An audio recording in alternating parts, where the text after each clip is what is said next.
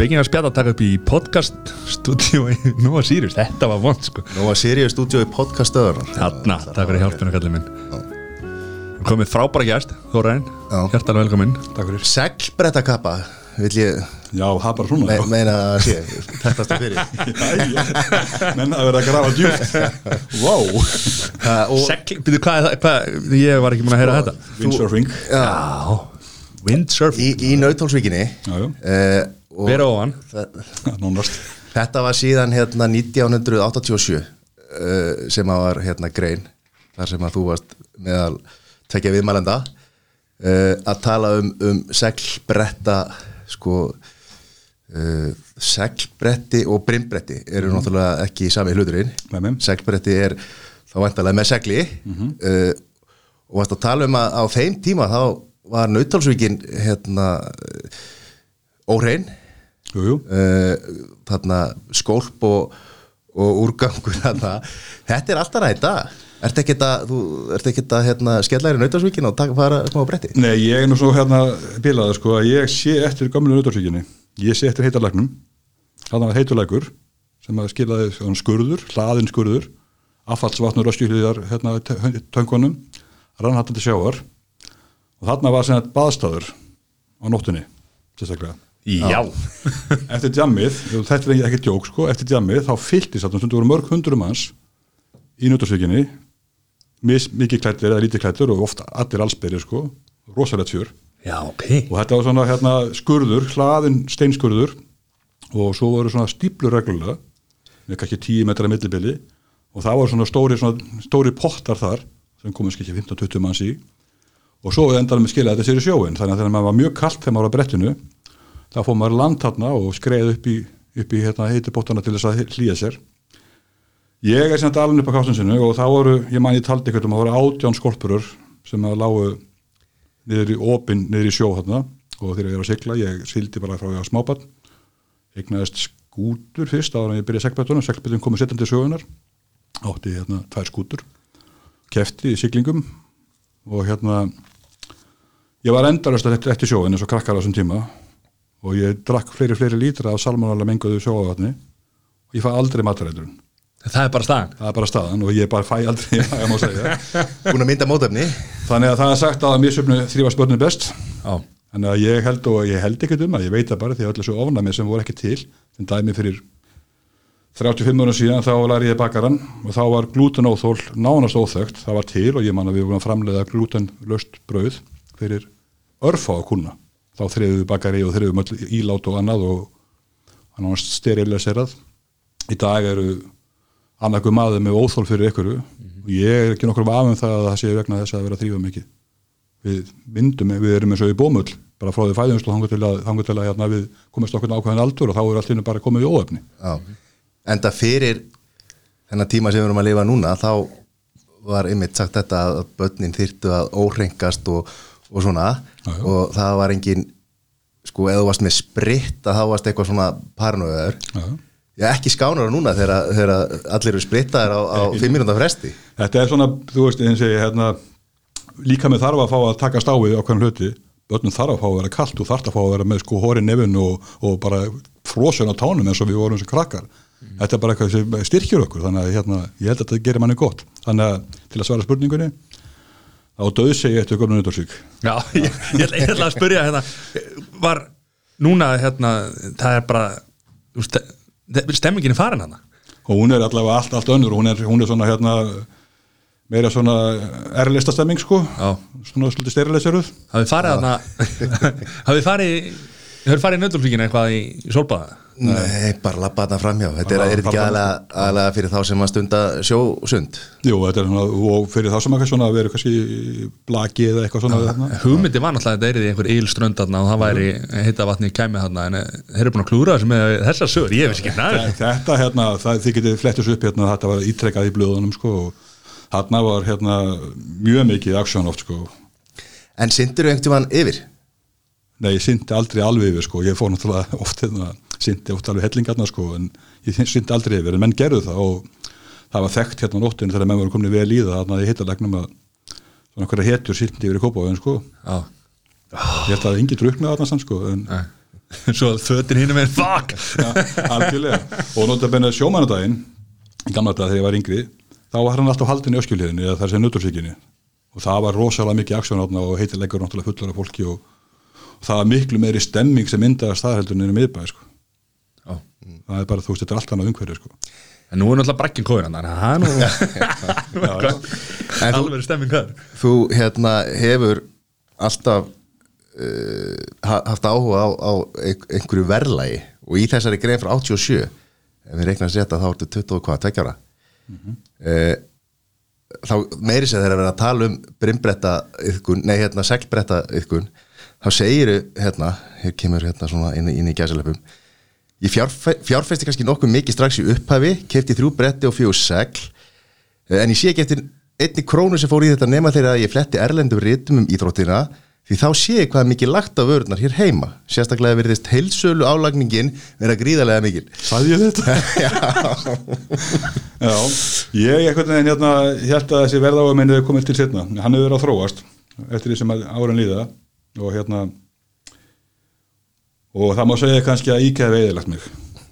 14 ári IKEA er svona búin að gera mig á þenni manni að ég getur ekkert notið þess að vera út að borða lengur.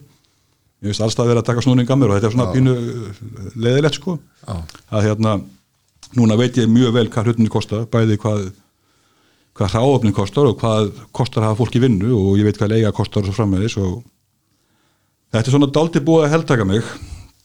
Og ég er náttúrulega búin að vera mjög setni ár svona mjög haft niður frammi gaggrind kollega mína í hérna veitingageranum fyrir að hérna vera að fara ránga leiðir. Ég er grjótþarðu kapitalisti það er að segja að ég vill að menn græða því sem þeir gera. Og finnst ekkert óðalegt það. Auðvitað þurfa menn að fylgja öllum lögum og reglum. En þannig ég er ekki að fara fram á það að menn vinni frítt eða sé að tapa eða borga með rekstur sínum af og frá. En þegar að menn hafa verið að barma sér út um alland og hérna höfðbókarsæðun líka yfir því að reksturinn gangi ekki og þá sé einar ráðið að hækka. Ég hef verið að, að mín strækjandi hefur verið svo eða mín rauksand hefur verið svo að það sé ránt menn sé að, að svæla kúnana sína það fáu sem eru fyrir burtu með það hækka meira. Þannig að menn geta hérna sjálfur sér bara það, það, það sé sjálfur sér að versta sem hann getur gert. Þú talar um langklöp frekar eins brellaup Já og, og sko það má segja svona að þú veist að starfsferill minn hafi mótumöndaldi, ég er svona bakari og vann lengi á Sveini bakari sem var þá ná, stæðsta og flottasta bakari landsins. Og það var mikið svona fjöldaframlæsla þar. Ég hafði enga sérstakar skoðanir á verðlagningunum þar, ég var að vinna nóttinu og bakkillið var sett á daginn og maður allar sá kúnana sína. Fer svo fyrir tilvílinni til Dominos 93 Já, nú við erum komin aðeins og, og, og hratt sko. Hvað, ég fann ekki, hvað varst að gera í Sviss? Þú varst eitt ár í Sviss. Þú Já, náttúrulega ég- skíða, skíða maður líka. Já, ég, þetta veistu líka. Ég, var að baka, ég var að baka og hérna ég hafði einhvern veginn bitað það í mig sem ungu maður að ég yrði að hérna prófa einhvern veginn að vinna í útlandum það, ég, yrði bara að gera það sko. það hérna svona, ég væri ekkert maður með mönnum. Ég var enda líka búin að býta mig ég yrði að vinna í, í sjáhaldu við einhvern tímann sem ég ger ekki og sé eftir Þetta er rosa leiðilegt að aldrei mókað salti við saltvístabla það eða er ekki svo lífið sér búið, slaka aðeins á sko. Nei, nei. en þetta fannst mér einhvern veginn svona að uh, hafa þetta í reynslunni, hafa farið á sjó og, og, og allt er svo múki eða, eða dreigið eitthvað hefur aldrei mjög í sa- salta sjó Jú, jú, jú, ég er alveg sjó á sjúkur, ég á báta ennþá og, hérna, en bara ekki, ekki verið á sjó. Já. eða verið í verðbúðum og hérna, svona, loppin eða beitað eitthvað sko, er það ekki búið í dag? jú, en ég sá þetta á tökur af okkur um hillingum en ég allavega ákvað það að nýta tækjafærið Akkur Sviss? Það var bara þannig að mér fekk vinnutilbúðar gamli mestari minn sem ég lærði hjá hann hérna hafði stofnað bakari upp í Ölbónum í 1400 metra hæð.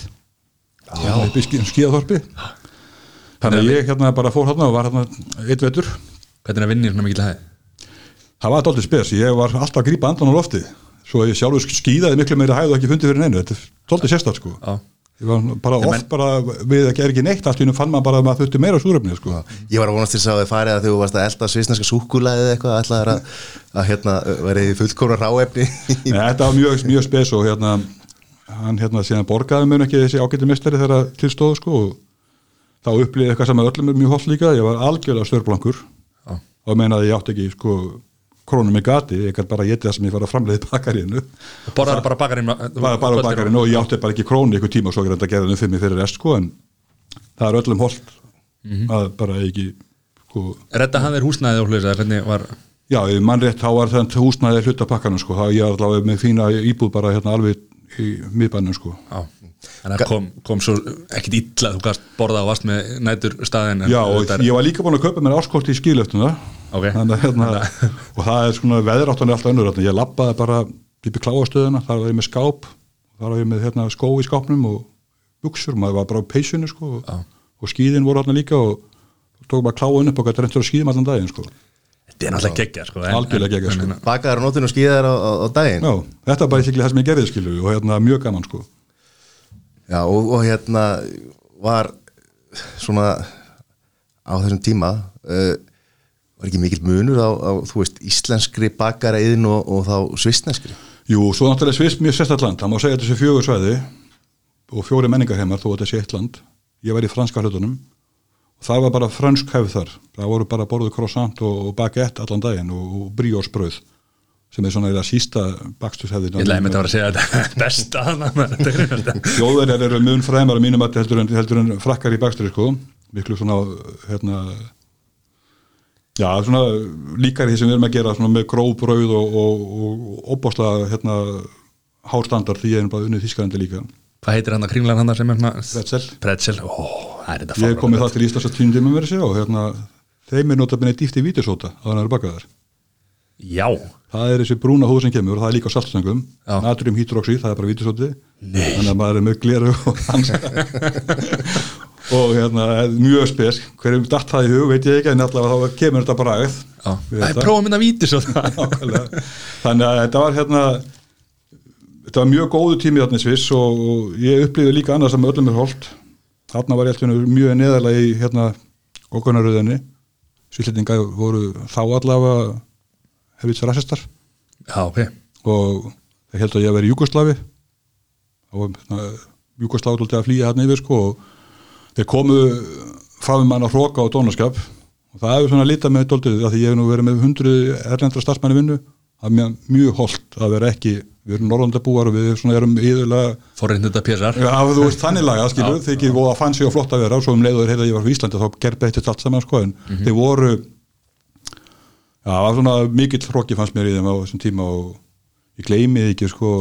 Það var svona bar eða pub á leiðinni frá íbúðinu minna nýri bakarið í miðbænum og ég fór hérna náttúrulega hverju kvöldu fekk mér eitt bjór. Og það var sama konan sem afgrætti mig öll kvöld átti barinn. Já, ok. Við baðum um ég sem er eitt bjór, ég er náttúrulega ekki tuttkomin í frönsku ég er náttúrulega mellu færa á þessum tíma. Aldrei þóttust hún skilja mig þess að koma og þetta var ég að reyna. Þú veist það hérna maður er heyrtu frakka með pari sko sem að geta orðið vittlis þegar fólk verið að tala ennsku við og svo býið, en þarna var ég virkilega þessum útlendingur að reyna og vissi alveg hver ég var ég, var alltaf að byrja saman hlutin og hún maður finnur það hérna allan eins og kannski íslenska er náttúrulega rosalega erfi sko. en fólk sem er reyna að tala íslenska maður er miklu umburða lindari algjörlega. Heldur um kannski, nú er leiðilegt að segja það er fólk sem búið búið hérna í tíu ára og er, kann ekki stakt ára í íslensku það er ég þekki því ekki það líka sko að hérna þetta var svona hérna, þetta var lært á sugu tími ég bæði upplifið það að vera bara algjörlega blankur átt ekki svona sko þetta er náttúrulega fyrir tíma að geða en síma en síma og allt sko ég hérna gæti ekki átt ekki svona sko sendt í, í tíkallasíma sko til að geta ringt og í mömmu og fara að grenja skilu en þetta er gott, það styrkir mann og eins með hérna að hafa verið svona hinum en við byssuhlaupið í rassismannum hérna, þetta var góð tími. En svo, kemur það heim og er það Dominus bara strax eða? Nei, þá þegar ég kem heim, ég fór út, ég var ennþá vinna fyrir Svein, við vorum miklu mátar í á Svein, ég var yfirbakari hjá honum og við vorum mjög miklu mátar. Og við vorum svona að spáði að fara saman í business og þetta var svona, eiginlega svona vísindaferð sem ég fór hana, því að vinna minn í Sviss. Ég fór þegar hann þældur sem alla Európu og drakki mig alla þá ströyma sem voru þá í bóði varandi hvað er að gerast með hérna, veitingarekstur og við séðan stofnum saman fyrirtæki, ég og Svein, nýra lækakötu í Spáni í húsi. Og það hétt við lækin þetta fyrirtæki en það er jónfrúin í dag. Já, þannig að hérna, við settum þetta allt saman upp, allar þessar innitingar og allt sem var í jónfrúinu hún til nýverið. Og stofnum fyrirtæki og það var svona, þetta var svona bistró stemminga, þarna léttu matur, svolítið Mexikostóðana og ég hef alltaf haft mikið áhuga á matargerð. Og þarna var ég sem sagt bara að vinna fullu og, og hérna vissið það ekki þá að þetta verið burt allan að tíma sveitna og svona komin að fótum fram penningarlega séð. Já, ég átti ekki mikið og þetta voru á hausinn. Og ég misti hellingspenningarna og var allt innu bara svona krosskutum í staðan fyrir að vera yfirbakar í flottasta bakar í landinu var allt innu aðtunnulegs og missa íbúðana sem ég var með og, og hérna svona, í bara dóltum vandrana sko. Er nú þannig að þegar hurðlokast og opnast gluggi okkur staðar og ég fekk bóðum vinnu á nýjum stað sem var þá að opna sem er Dominos pizza þótti mikið niður, skref á við fyrir bakarameistarinn að fara að vinna við að gera pizzur. Þetta þótti svona ja, mjög stort skref á við. En Er, er snobb í bakaranum? Það er snopp í öllum þessum yngarinnum Já. einn, einn eða annan hátt sko. Var pizza þá matuð fátakra mannsins það var svona liti á ung- unglingamatur og þetta var pizza var á alltur um stað þá heldur hún er í dag. Þetta voru reyndar sko, orðnaði ansi marga keður, Jón Bakan og Róði Öttur og Pizza 67 var þá komið og, og, og fleiri. En þetta þótti hérna bransin þótti skítuður má segja. Þetta var allt saman svart og sigurlust mm. Ég var ná Jón Bakan í, þá hérna. eru að fengja eitthvað um borgaði seglum Já, já, alltaf. Ég, Ég var, þannig var þessi bransi. Ég var, ég var sko, ég var hérna Hvað ég var? 14 ára. 14, já? Fyrir þúsund kallar tíman já, já, það Svar. bara ágættis launur Já, En mátti bara vinna í fjóra tíma á dag. Ok. Var að, var að hérna, skera ost. Þannig þetta þótti, hérna, þótti skref niður á við. En þarna var ég komin svona pínu þrótt kannski, búin að vera tíu ára að vinna sem bakari í hildina og bæði voru launin mjög léleg. Og það var í sjálfu sér uh, engin almjölu framtíð þessu. Þannig að mér dreymdi alltaf um að vera sjálfstæður. Og til að opna bakari þá þáttu bara eiga svona 100 miljónir bara í, á bankareikning sko. Þá er ég bara að tala um sko tækin og tólinn sem þarf í þetta opnar og hrærivelar og annað þetta það stórverð allt saman og mikið að hérna það kostar bara þannig peninga. Meðan til dæmis ef þú ætlar að opna hárkvæðstofu þá þarftu bara stól og líku og skær og hérna hárþreiður sko, og hárþurku eða þú veist þetta sambarlegt eða smiðir eða ekki sem að þurfa bara eina verkvartösku og eitt bíl til að geta unni sjálfstætt. Þannig að þetta var svona hérna ég svona mér fannst aldrei eins og ég væri búin að veðja, veðja á rángarnes með því að fara í bakaran og ég hefði mjög gaman að baka. Og svo að vinnutíminn það alveg hræðilegu sko. Mm -hmm. endurist að vinna nóttinni og, og hérna mér fannst þetta einhvern veginn ekki alveg verið að gera sér. Þannig að ég allavega að slá til og prófa að vinna fyrir þetta fyrirtæki sem var að opna. Og þetta einhvern veginn svona átti mun, mun betur við með heldur en ég átti vonu það var svona pínubróti blað þetta haust 93 Dominus opnar í ágúst, síðan opnar tveim mánuður setna eða svo McDonalds og Subway líka, allt gerir þetta á sama stað líka við, skeifunni, grensors Já. þessu svæði þarna, Já, opnar þetta allt sama árið? Allt sama hausti mér sér sko. Þannig að og þarna komur svona pínu nýji vinda því þetta eru fyrirtæki sem eru öll sem að rekin eins og áreika fyrirtæki, það er hvergi ein króna svört og neinum þessum stöðum og hérna og menn svona eru kannski svona aðeins að lifta upp í standardnum á því sem var hann að hérna með uniform þetta hóttunar reyndar mjög niðurlægenda menn varum með derhúur og mertir og, og En hva, hvaðan kemur Dominos set, til Íslands frá bandaríkjunum frá bandaríkjum? Já. Já.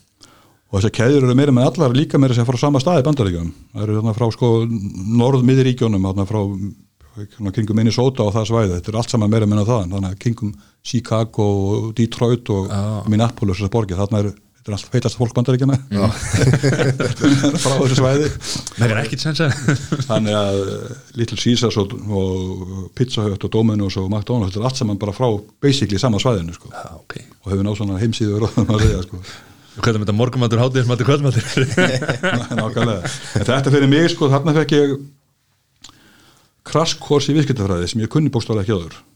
Ég var mjög hæfur bakari og gæti unni hratt og vel og skipurætt vaktir alveg út í út í óandilega en ég kunni ekkert að business. Og bandarækjumennir sem opnuðu dóminu á Svíslandi þeir hérna sendu með þjálfara sem var inn í nokkra mánuði og hann svona tók með að sér. Varst þú ráðum frakastustöri strax eða var, Nei, ég var í ráðinn og, og hérna það var bara hérna á mjög skömmum tíma þá svona er, svona bara er lamin í hausana með öllu gildi sem skiptir máli þannig að allt það sem ég kann í dag nánast lærði ég þarna á bara 10 mánuðum svona gildi þess að hérna vita hlutina nógu hratt sem dæmi þá var gerði vörutalningu hverjum degi það er einu svona ári í flestum fyrirtækjum í Íslandi sko. mm -hmm. við reiknum út launin eftir hver einasta dag og það var svona þetta var svona nýtti gritti vikitafræði sem er bara það sem þarf í þetta. Þetta snýst allt um sent og öyra ekki um stóru krónunan sko. Mhm. þannig að hérna menn svona læriðu svona maður læriði mjög hratt að meta svona hvað skipti máli. Og svo eftir svona bröðsött start, Dóminus áttir enda gríðalega stórt start á Íslandi. Það var það mikið tróðningu þegar við opnum það þetta hlita börn á spítala sko mjög sjúkrabílum. Ja, það er náttúrulega bara sama menn að séð með döngi Dónuts byggðir að það eru 100 metra langar og svona við Íslandingar hafa alltaf tekið vel að móti svona sko. Lindex, þrjára opnarnir eða hvað maður klárast all búðin sko. Síðan svona hérna menn náttúrulega gerði algjörlega på bak í þjónustunni. Það er ekki hægt að gera þegar allt er svona brjálað að gera sko og hérna og nýja bólum við fóra af og þetta voru salan hrundi bara nýri náttúrulega ekki neitt. Og um tíma svona snemma árunum 1994 þegar ekki nokkur mánu eftir opnað þá voru menn alveg að tala um að loka. Það bara var það lítið að gera þetta var bara að vera að borga með þessu og menn voru alveg að tala um að þessi tilhörn hefur bara ekki gengið. Og svo svona smátt og smátt þá svona fór þetta hérna að réttu kútnum.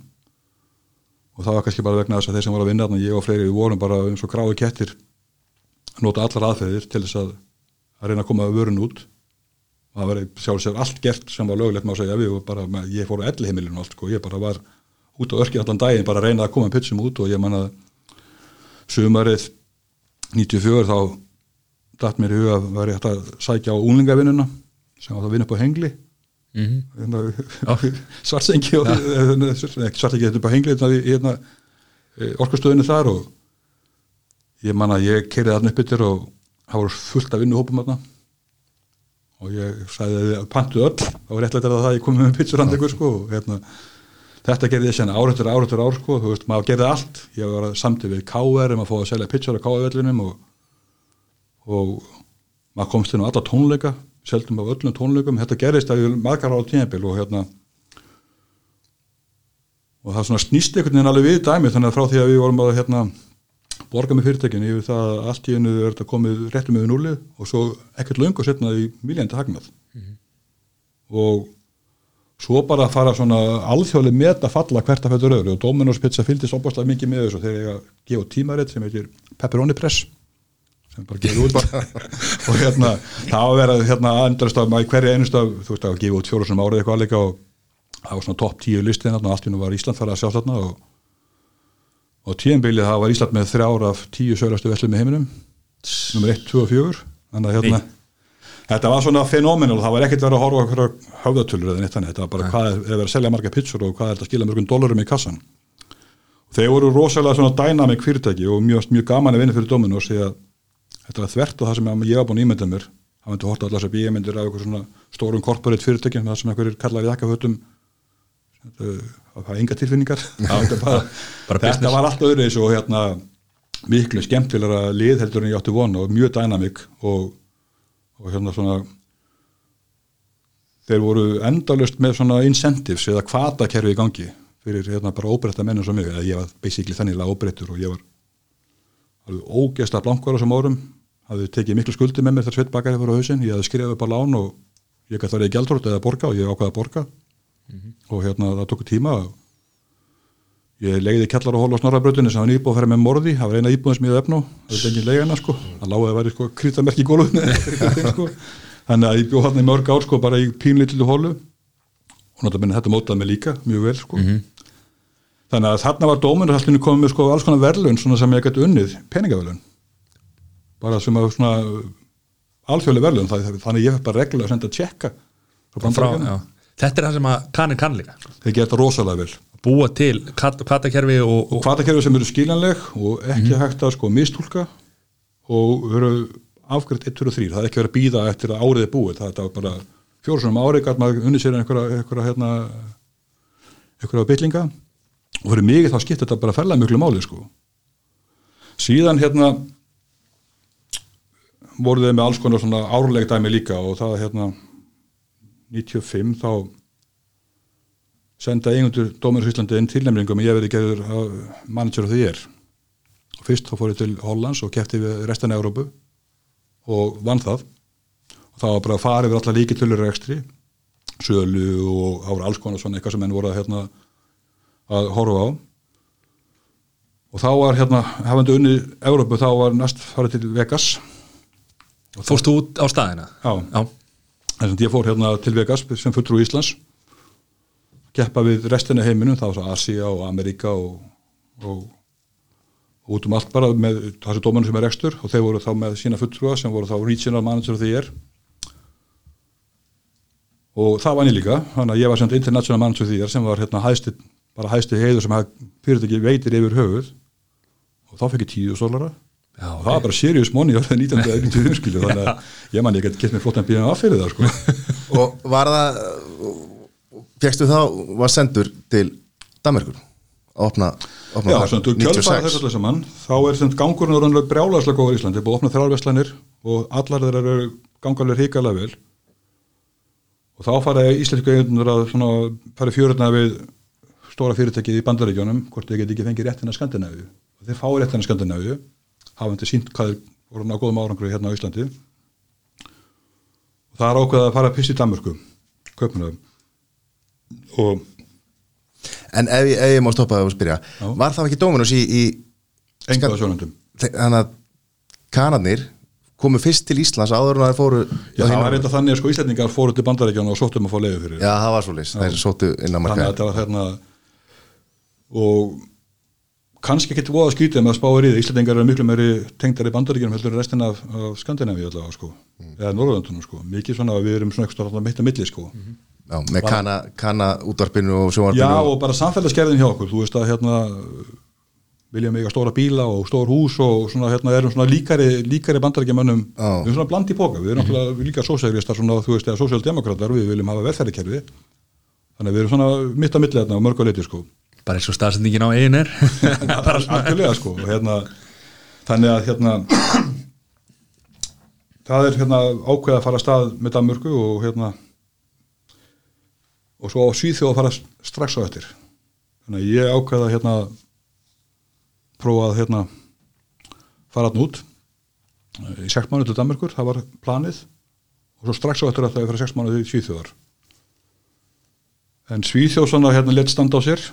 Danmörk var dólda erfið heldur en tóna og ég var það í fjögur ára næsta sex mánuð já ok. Og maður tala um tungumálun á það sko, að hérna, því ég ætlaði bara að vera sex mánuð þá hugsaði mér ég ætti ekki að læra þetta tungumál og svo þegar ég er búin að vera í tvö ára hugsaði mér þetta er ekki hægt, ég tala ekki dönsku. Þannig að þá lærið ég dönskuna og hérna, það var líka þannig að Danin elskar að tala ensku sko. erfiðara sko. Þannig að Danmörk var erfiðara heldur en ég átti vona á. Og út á ýmsu.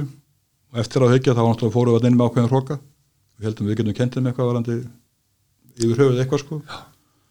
sem er ekki svona auðvelt sko. Og hérna vinnuréttur er allt, allur annar þarna og svona, uh, hvað maður segja hvernig fólk upplýði vinnuna sína. Já. að liggu við að fólk geti staðið upp í miðri setningu að því klukkan er fjögur og farið heim. Já, skiptir ekki máli. bjóri þetta. hátteginu og eitthvað Já, túborgi er commitmentið gagvart vinnuveitundunum er allt annað. Og þetta er doldið mikið erfiðara sko. og þarna virkar kannski katakerfi ekki eins, eins og á Íslandi allan. Nei og það var svona ég hérna ég var náttúrulega fullt af vinum í Danmörku og hérna það gaman að koma til Danmörkur en þetta var svona, við vorum alltaf útlendingar þarna, alltaf sko, við fundum fyrir því mjög mikið sko og hérna en við erum líka litli bróðir. Já, við erum litli bróðir sko, við sáum þetta að baugu fyrir síðan út okkur nokkur árum setna þarna og ætlar hann að kaupa upp allt þarna. Já, Þú veist, þetta er svona þóla ekki þegar þeir húluðust á hausinn síðan sko. Litli rókin alltaf í okkur var svona og svo var bara annað þessu líka hérna, það er svona ákveðin pizzakúltúr í Danmörku sem er uh, allt annar en hérna. Það er rosa mikið innflytundum í Danmörku frá miðustölöndum, frá muslimalöndunum og þeir eru margir hverjir að gera pizzur. Ykkur að pizzur sem við myndum ekki endilega sagt ykkur við hvorki varandi gæði eða varandi bara umbúnaðan allan þrýf og annað. En þessi er aðalar eru að bjóða miklu miklu óterari vöru heldur en til sem að gefa upp skallgeta gert til dæmis. Já, þannig að dönum virðist bara álskota saman með þetta skilur, þannig að það er bara, þannig er það sko. Þannig að þetta ég opnaði þarna eitthvað 11-12 búðir á, á, á þessum fjórum árum ég var þarna. Og hérna var samt alltaf á leiðinu heim. Ég fann alveg að ég ætti ekki, ekki endalega samleið þarna með, með dönnunum sko, hérna svona mitt ár 2000 þá er ég beðin um að koma þarna heim með svona tiltölu skömmum fyrirvara. Það var eksturinn í Íslandi komin í vandamál. Það var eitthvað nóg að gera, hellingur að gera.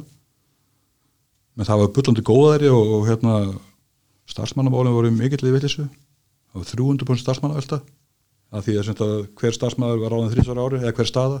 Já, eða fólk þá var að tollaði meðaltali kannski fjóra mánuði. Og það er bara ekki hægt að reyka fyrirtæki við þar aðstæður en henni viti. Endurist verið að þjála upp óþjála fólk.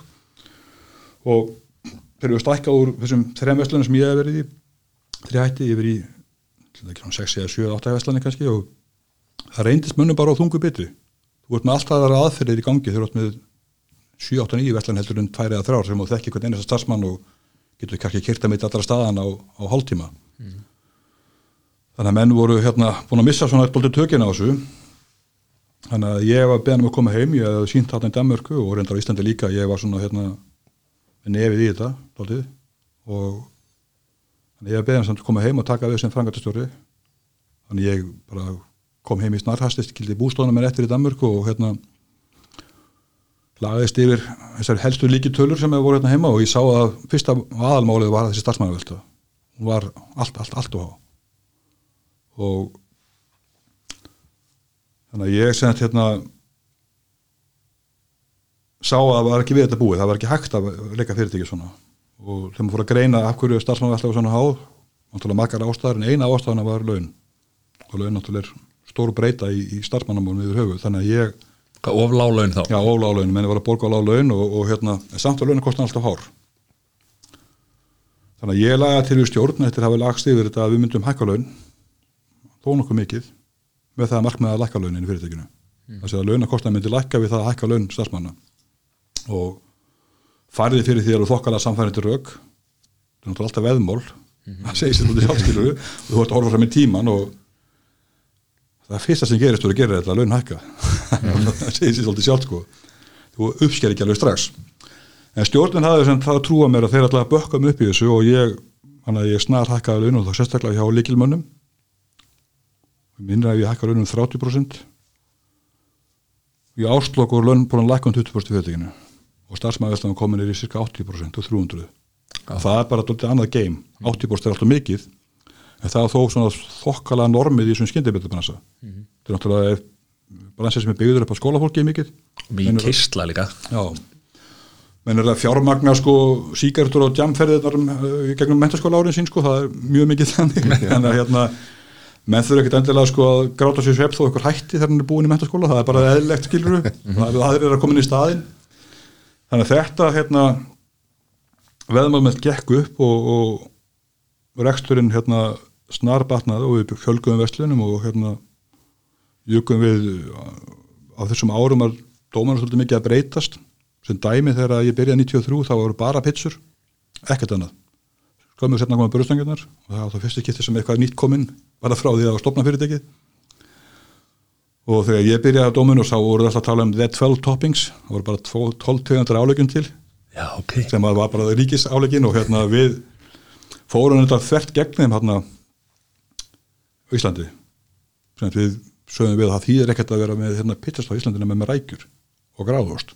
Þetta sem að kanið aldrei séð skilur og hérna en þeir sem betur fyrir litat eftir okkur. Annars verður menn að tala um dóminn sem þátti ég ætla alveg þetta ykkur höða sko. Það er hérna menn verða að bjóða upp á markaðunum það sem markaðurinn vill borða. Aha.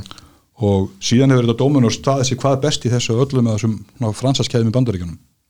Og ég man ég fekk hérna fórstjóra dóminnustímin hérna á enga þóttunni 2004 sennilega og hann flakkaði hérna um allt og algjörlega kjafstoppið við því hvað við varum að gera fína hluti hérna og ég gaf honum eindama pitsur sem voru eitthvað pitsur sem hann hefur aldrei fengið áður sko. hlaðanar að gráðast með þýstirhjörtum og svona öðru þessi pitsur mm -hmm. og ég held að ég get alveg fullir það að nálgun ístættinga á því hvernig dómanum sem rekið hefur breytt fyrirtekinu glóbali það er sem, þegar við erum að byrja hérna 93, þá var dóminus út um allt í bandaríkjónum allstar með aðal áherslu á heimkesslu og ótrúlega starfsetningar það voru bara bakstrætum, það þurfti enginn að vita hvað þið voru vegna þess að þið voru bara delivery company. Mm -hmm. það var basically business modelið en íslensku eigendunir þau eru að vita því að fara í alvöru starfsetningar Höfðabakka, Grensás, Garðatorg mm -hmm. Ánanust, allt svona staði sem eru mjög sínilegir, sterk og góð hótt og gera út á hérna að fá fólk til að koma og síðan miklu meiri þjættleika vestlana þegar við opnum hérna fyrst, 93 þá sögðu þeir bandarækjumennir ef þeir eru rosalega góður þá getur ekki þrjárbúður í Íslandi. Ragnaði. Það eru 25 í dag og ég held þessi ágætis gangur ein, einu reykjaður, einu aðgurri og einu ísafrið það sko. átti basically að vera bara þrjári reykjaður og, hérna, og þá voru þeir bara með sína töfumpötareglu og þá er þeir bara með þeirra nálgun í bandaríkjunum, þeir eru kannski með 150 manna borg eða 200 manna borg og þeir eru með sína staði, alla eitthvað stær djúft inn í einhverju innað einhverjum og enginn sér þá. Þá kannski er þetta bara mjög eðlilegt sko. Þeir síðan hafa séð hvað Íslandingar voru að gera og þeir eru búin að breyta mótölunum um allan heim. Þannig að þið keirðum bandaríkinn dag þá sjáu þið dóminusvæslanir á mjög flottum stöðum oft stendalón byggingar vel upplýstar og fínar og þjættleikin er allavega að breytast. Þannig að þeir eru að, þeir eru að endur hvað maður segja svona hérna endur þjætta netið sitt þannig að borgir sem áttu að vera fúli penetratið fyrir ekki að stetti mm. og allt er bara þeir fann að sjá ekkert bætt þannig við fjórum, fimm, sex vestlunum hérna vegna sem við gerum þetta öðruvísi. Og í heiminum í dag er engin fastútt keðja að gera eins góða hlutu Dominos. Já, ok. COVID er bara sko, lotto fyrir þá. Þeir eru með 20% aukningum með lára útlöndum. Ég veit eitt hvernig þetta er hérna heima. Já, já, þannig að þeir hafa þeir voru fyrsti til þess að stökkva svona rosalega stíft á tæknivagnin með þessi upp og, og, og það allt saman. Og þeir hafa algjörlega náð svona hérna, gríðalega hérna, miklu fórskoti með þetta sko. Er það he- heimsendingarna þá eða? Já, alls konar bara að geta fylgst með pitchunni í einhvern tracker, hvað hann er komið langt og er hann leiðin tíminn meðan til dæmis Pizza Hut er að loka búðum til hægra vinstri. Þeir voru langstæðstir í einu sinni og dóminu út miklu stærri. Þannig að Hvernig finnst þér Dominos pizzan í Ameríku? Nei, ekki sérstök. Nei, Ha? Mér finnst þetta hérna daldið svona, ef maður slettur blend eða svona fl flatt hérna. Ég veist um bara, það er eitthvað System ég býr í Ameríku sko. Já. Og ég bara fer ekki Dominos þar sko. Ég Nei, bara, ma- og það á við um sko ansi mikið að matarna. Við þetta fyrir með matur í bandrækjunum fáránlega góður sko. Já, ég saman En söpbi er ekki gott. Nei, nei. það er svona, þú veist, það er ákveð maturna sem er ekkert sérstaklega góður sko. En annar sem er því betri sko. Hvað er upp á skyndibindi maturinn í Ameríku? típotli, Já, það er alveg geggjað sko bara, það er steikið að kjúklingi fyrir fram að þig og þetta er svona bara, þeir eru, já, það er alveg bræð sko. ég fæm pulsur á Sonics. Chili dogs, footlong sko. Það með þrjá svolítið sko. Það er gali sko. Það er, það er algjörlega galið. Sko. Já, þessi er í fjórum bæjarinn sko, það er, Já, ok. og, og, og, Nei, þeim. og, það er forréttur hjá hann sko. það er allavega þá hérna ég segi, stýrist reksturinn algjörlega við hérna Dominos og, og bara gekk alveg gríðalega vel. Nema hvað að innan eigendahópsins var ásætti menni voru svona hérna vildu fara sikkur að hérna, eins og gengur að gerist búin að vera saman eins og business í mörg ár þessir aðalega sem er ákvæmt átt þetta. Og það kemur upp svo staða hérna að til þess að höggva hnútin ákvað er að selja fyrirtæki þeim er mjög hátt tilbúið það og það er ákvað að selja það. Og Baugur ætlar að kaupa það og ég var búin að vera mjög skeftiskur á Baug mjög lengi. Þeir voru búin að kaupa fullt af fyrirtæki sem voru samkeppið við mig. Ætluðu sér stóra löti og þeir eðilöðu þau öll, þeir keftu pizza Hut til dæmis. Keftu Hard Rock Café sem var mjög flott fyrirtæki og hann út til þeir keftu það. Og þá fór allt í verði vegar. Og það er bara þannig að þegar eitthvað stór fyrirtæki kaupa svona fyrirtæki eins og veitingarekstur. Veitingarekstur er allur hands-on. Þetta þarf að vera þannig að menn þurfa að hafa ástriði fyrir þessu. Og það gengur ekkert óða vel að láta risa fyrirtæki reka fyrirtæki sem eiga að reykja með ástriði þannig að ég hugsaði með mér að þetta fyrir sömu leið. Að kaupa Dominos þeir fara að segja mig hvað ég er að kjötið þegar kannski að hendur ykkur með öðrum hagsmunum hjá þeim eða Þeir eiga eiga okkur byrgja, þú veist, eiga átt með þess að fæska kjötvöru skiluru Mhm. þannig að í staðan fyrir að kaupa besta peppurinn á landinu sem frá Ali á þeim tíma þá því alltaf að kannski mögulega að kaupa eitthvað annað og ég bara hugsa mér, ég vill ekki vinni fyrir svona menn. Og þá var ég fæðingálufi og hérna og tilkynnti um þetta að ég myndi hérna óska eftir því að vera í samið um starfslokk bara eins og gengur að gerist. Að posturinn er í fæðingálufi þeir eru eitthvað fyrirtæki og ég er með bara nokkuð skotaldan samning með ákvæðum um ákvæðan hluti og ég bara fyrir fram á það að það sé farið eftir þeim ákvæðum og þeir ráku mig í fæðingálöfunu þannig að hérna það endaði með því að þetta taka upp í hæstarétt til þess að fá rétt minn gegn sko. Samningin kláraðu Já, og ég held að það fyrst ekki sem Baugur tapaði mjög lengi í hæstarétti þeir voru bara að vinna öll mál saman hversu fyrir þeir voru sko. Ja, Matti, þú heyrst um þetta, þetta er kallað baugsmálið. Nákvæmlega. en allavega þá hérna hætti ég hérna hjá þeim. Og hérna var ég aftur komin í kaplaskil búin að gefa dóminus 13 ár. Og vissi ekkert hvað ég hef það að gera. Hvað er þetta gammal að það? þetta er sem þetta, ég er færtur hérna, Já. þetta bil. Já, þetta er sem þetta 2005 2005, já, ég er færtur þá fæ ég símtala og mér bóðið að taka við IKEA sem fagrættistöri þá var IKEA í Holtagörðum búið að ákveða að byggja í Garðabæ og svona nánast búið að taka fyrstu, skóplutunguna hver hingir í? hann heitir Jón Pálmarsson, eigandi IKEA. Já, hann átti þá, hafði átt hlut í Dominos þekkt hann ágætlega. Hann vissi bara hver, hvaða maður þú værir og, og Já, ég sagði náttúrulega við hann að ég kynni ekkert á húsgögg sko, alltaf áttaldi gaman að hafa fallið til kringum mig og hérna en, en hafði ekki tannilega vita á þessu, hann sagði bara þú ert retailer, ég er að leita retailer. Skiptir engum hver, retailer er bara að geta selt. Já, þarf ekki að kunna búið til Nei. setja saman. Og hérna síðan sagði hann þú ert búin að vinna í alþjóðlu umhverju í 13 ár. Þekkir þetta fransæs umhverju og ég ákvaði að slá til þannig ég tók eitt ári að vinna í Holtagörðum loka árið þar og síðan hérna tók ég 13 ári viðbót hérna í Garðabænum, ég keða þar. Og það var náttúrulega bara mjög áhugavert, ég keði náttúrulega svona global fyrir á með honum Er það rétt að fyrsti dagurinn að vera hoppa í boltalandið það? Nei, ok.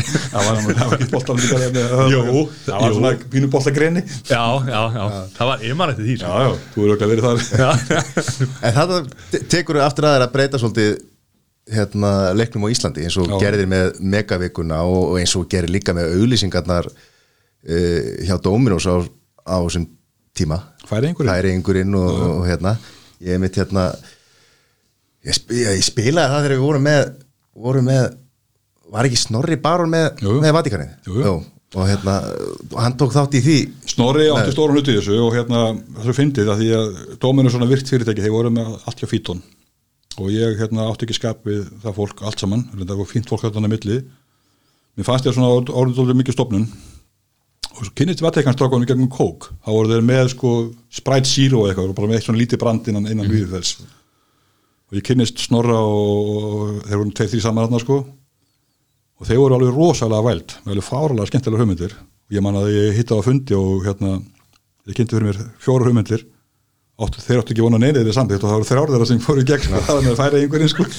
Þetta voru svona gaga bilað færi einhverjum algjör snill sko ég hef mér að segja sko var hann að leita vídjónum á YouTube um daginn, fann bara eitt mér er bara döðlanga til að fá hann til auðlust var það sveppbyttir þetta sveppa þetta er eitthvað sem að þetta virkar skilur. Þú veist, það er ennþá að vera að tala með þetta núna sko. ógeðslega finnar auðlýsingar sko, hérna, og þessi færingur var mjög flottur sko.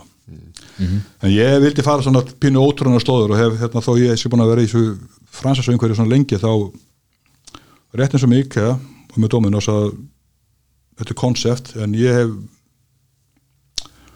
stundað að vera í stríði við þessu konsept. Ég stríði fólk mjög mikið gegn Dominos og mjög góðan hátt má segja. Ekki bara ég heldur eigundur utan í Íslandi. Sem dæmi þá er Dominus hvergi með svona call center eins og Íslandi eða það segja þjónastöður það er bara hver búð er með sín síma og sitt símanumir og það eru sögulegar ástæði fyrir því tæknin náttúrulega var ekki meiri hérna kannski þegar Dominus er stofnað fyrir einhverjum áratugum síðan.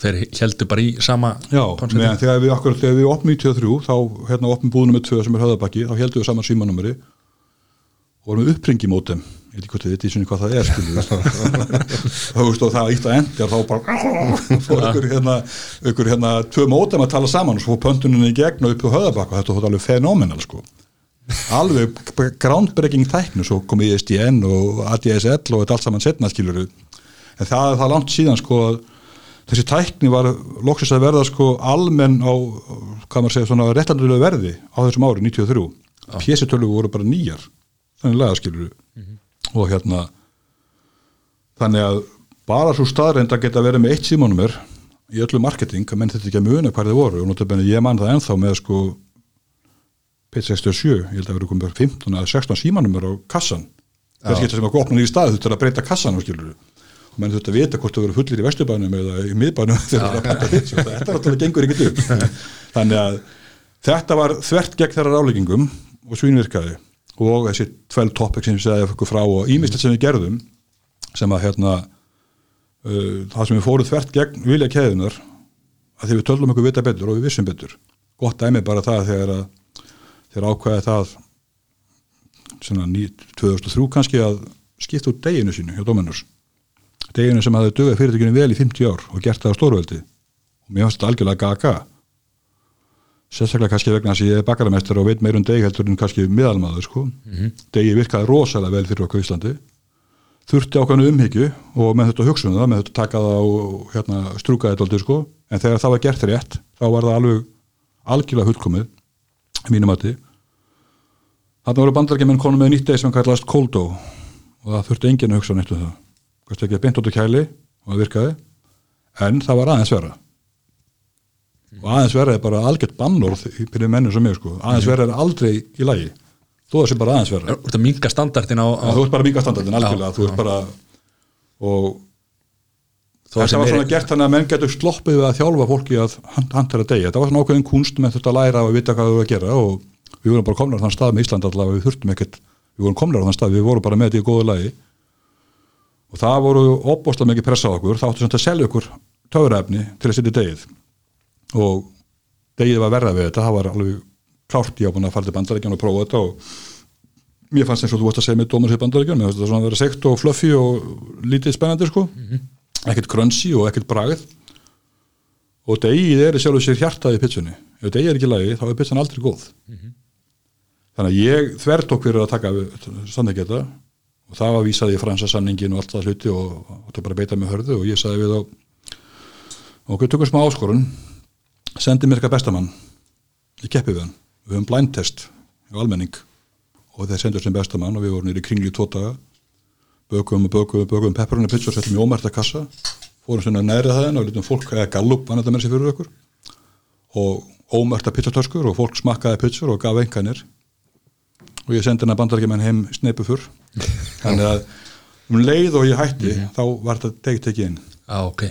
Ég var alltaf að fyrir staðin í þessu samengi skilur Já, já og þetta til dæmis hérna gerði ég líka vika, ég var í endalþessu strífi og það er margt sem þeir vildu ekki að við gerðum sem að virkaði mjög vel hérna hjá okkur og það er tóttið eðlið svona fransæs fyrirtæki að vera að passa upp á að allir yllu kallarnir út um allan heim séu ekki að breyta.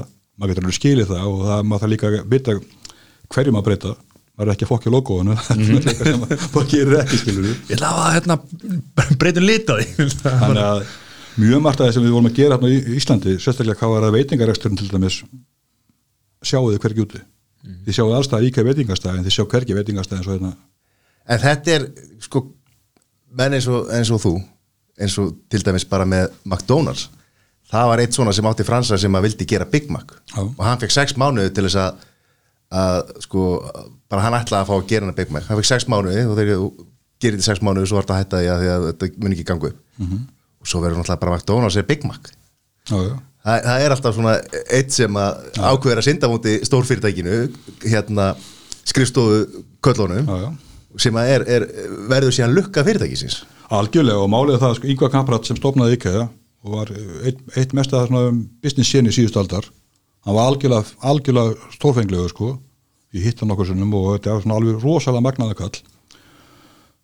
Síðast skipti sem ég hitt hann þá held hann, ræðu kom svona óvand inn á fund og hérna held ræðu þar sem að ræðan snýrist öllum að fara móti establishmentinu. Áskoraði þannig að hann var að hvetja okkur til þess að sko, stíga niður og hérna bendi beinfallega á það að nýjungarna þar kom ekki á skrifstofunum í smálöndum eitthvað, það gerast út í búðunum sem eru þú veist þúsundið eitthvað eða um allan heim sko. Hann, hérna, hann var að hvetja okkur til þess að hugsa út í bóksið og var verulega flottu kall sko. Stíga þess niður og, og, og algjörlega og, Upplifa. og, og, hérna hann sagði sko þetta var sem ég var að milli veitingastjóra vantaði veitingastjóra og það var fundur veitingastjóra í Svíþjóð. Þannig ég ákvaði að fara að stað stað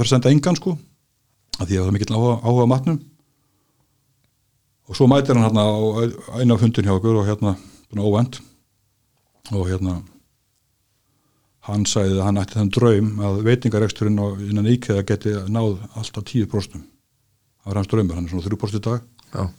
Mér langaði að standa upp á böndunum að við vorum með 14% í Íslandi. Það var kannski ekki alveg viðegandi sko. En hann segði að hann, hans hugmyndum veitingaresturinn er svo að þegar hann var með sína fyrstu stóru vestlandir í Svíþjóð og fólk kom inn og var að röldu búðina og svo var að fara að fara snemma heima því að það var svo svangt. Var ekki svona bara klára að skoða allt sem vildi skoða. Og það var svona uppræðlega hugmyndið með veitingastæðin að hérna. Þess vegna veitingastæðan uppi og, og í miðri búðin eða akkurat, þú ert búin að taka helmingin í búðinni þá getur þú hérna fe- fengið að borða eitthvað. En við tókum þetta veitingakostið miklu lengra. Eins og svíðnir að gera þetta þá eru þeir með basically bara samsetningu á mat, kaupa frosin þetta, frosið þetta og það eru forsvana kartablur og forsvana kjötbólur og kjötbólur, já. tilbúðum sósa sem setur bara eitthvað mjölk og, í og hrærir eða eitthvað þannig. Við viljum gera þetta meira því að það er ekki nóg orðum ótyramat það er ótyra góðumatur og þó að kjötbólun svo ágæta þá getur ekki getið þær endalust þannig við fórum svona að smátt og smátt að, að bæta við okkur og notabenni þegar ég byrja í hafði þá verið að reyka dóminus í 13 ár. Og við vorum að fá svona 5.000 gestadagin í Holtagörða sem heldur mikið og ég horfði bara 5.000 svanga mann, manneskjala bút. Og ég hugsa með þetta er bara tekusturumi sem enginn er búin að uh, láta sér þetta huga að virkja almennilega. Og það er sannlega það og flesti veit ekki að það myndu drepa fyrir að fá 5.000 manns mm -hmm. framhefur sér á hverjum degi. Þú veist bara að drepa fyrir það sko. Þannig kemur náttúrulega úr Dominos Já, og, hann- með þennan hugsunahátt og, og þessuna sko. Og þá er endur stjórnundur þeim, þeir deldu sér sín ekki með mér.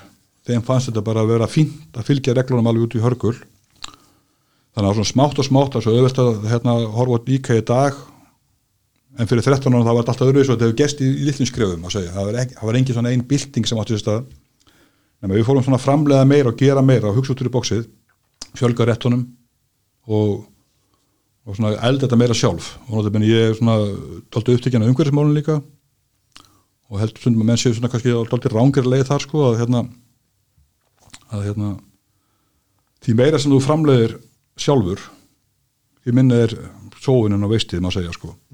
Þannig að þessum dæmið þú fyrir að baka sjálfur þá kaupir þú kveiti farið eitthvað sekkjum til þín og smjör líki og sigur og eitthvað í svona stórum pakningum og hérna þú framleiður úr það á staðnum rýrninu verður miklu miklu minni, engin flutningskostnaður. Hveitið er bara flutt óupphittað og og saltu allt saman.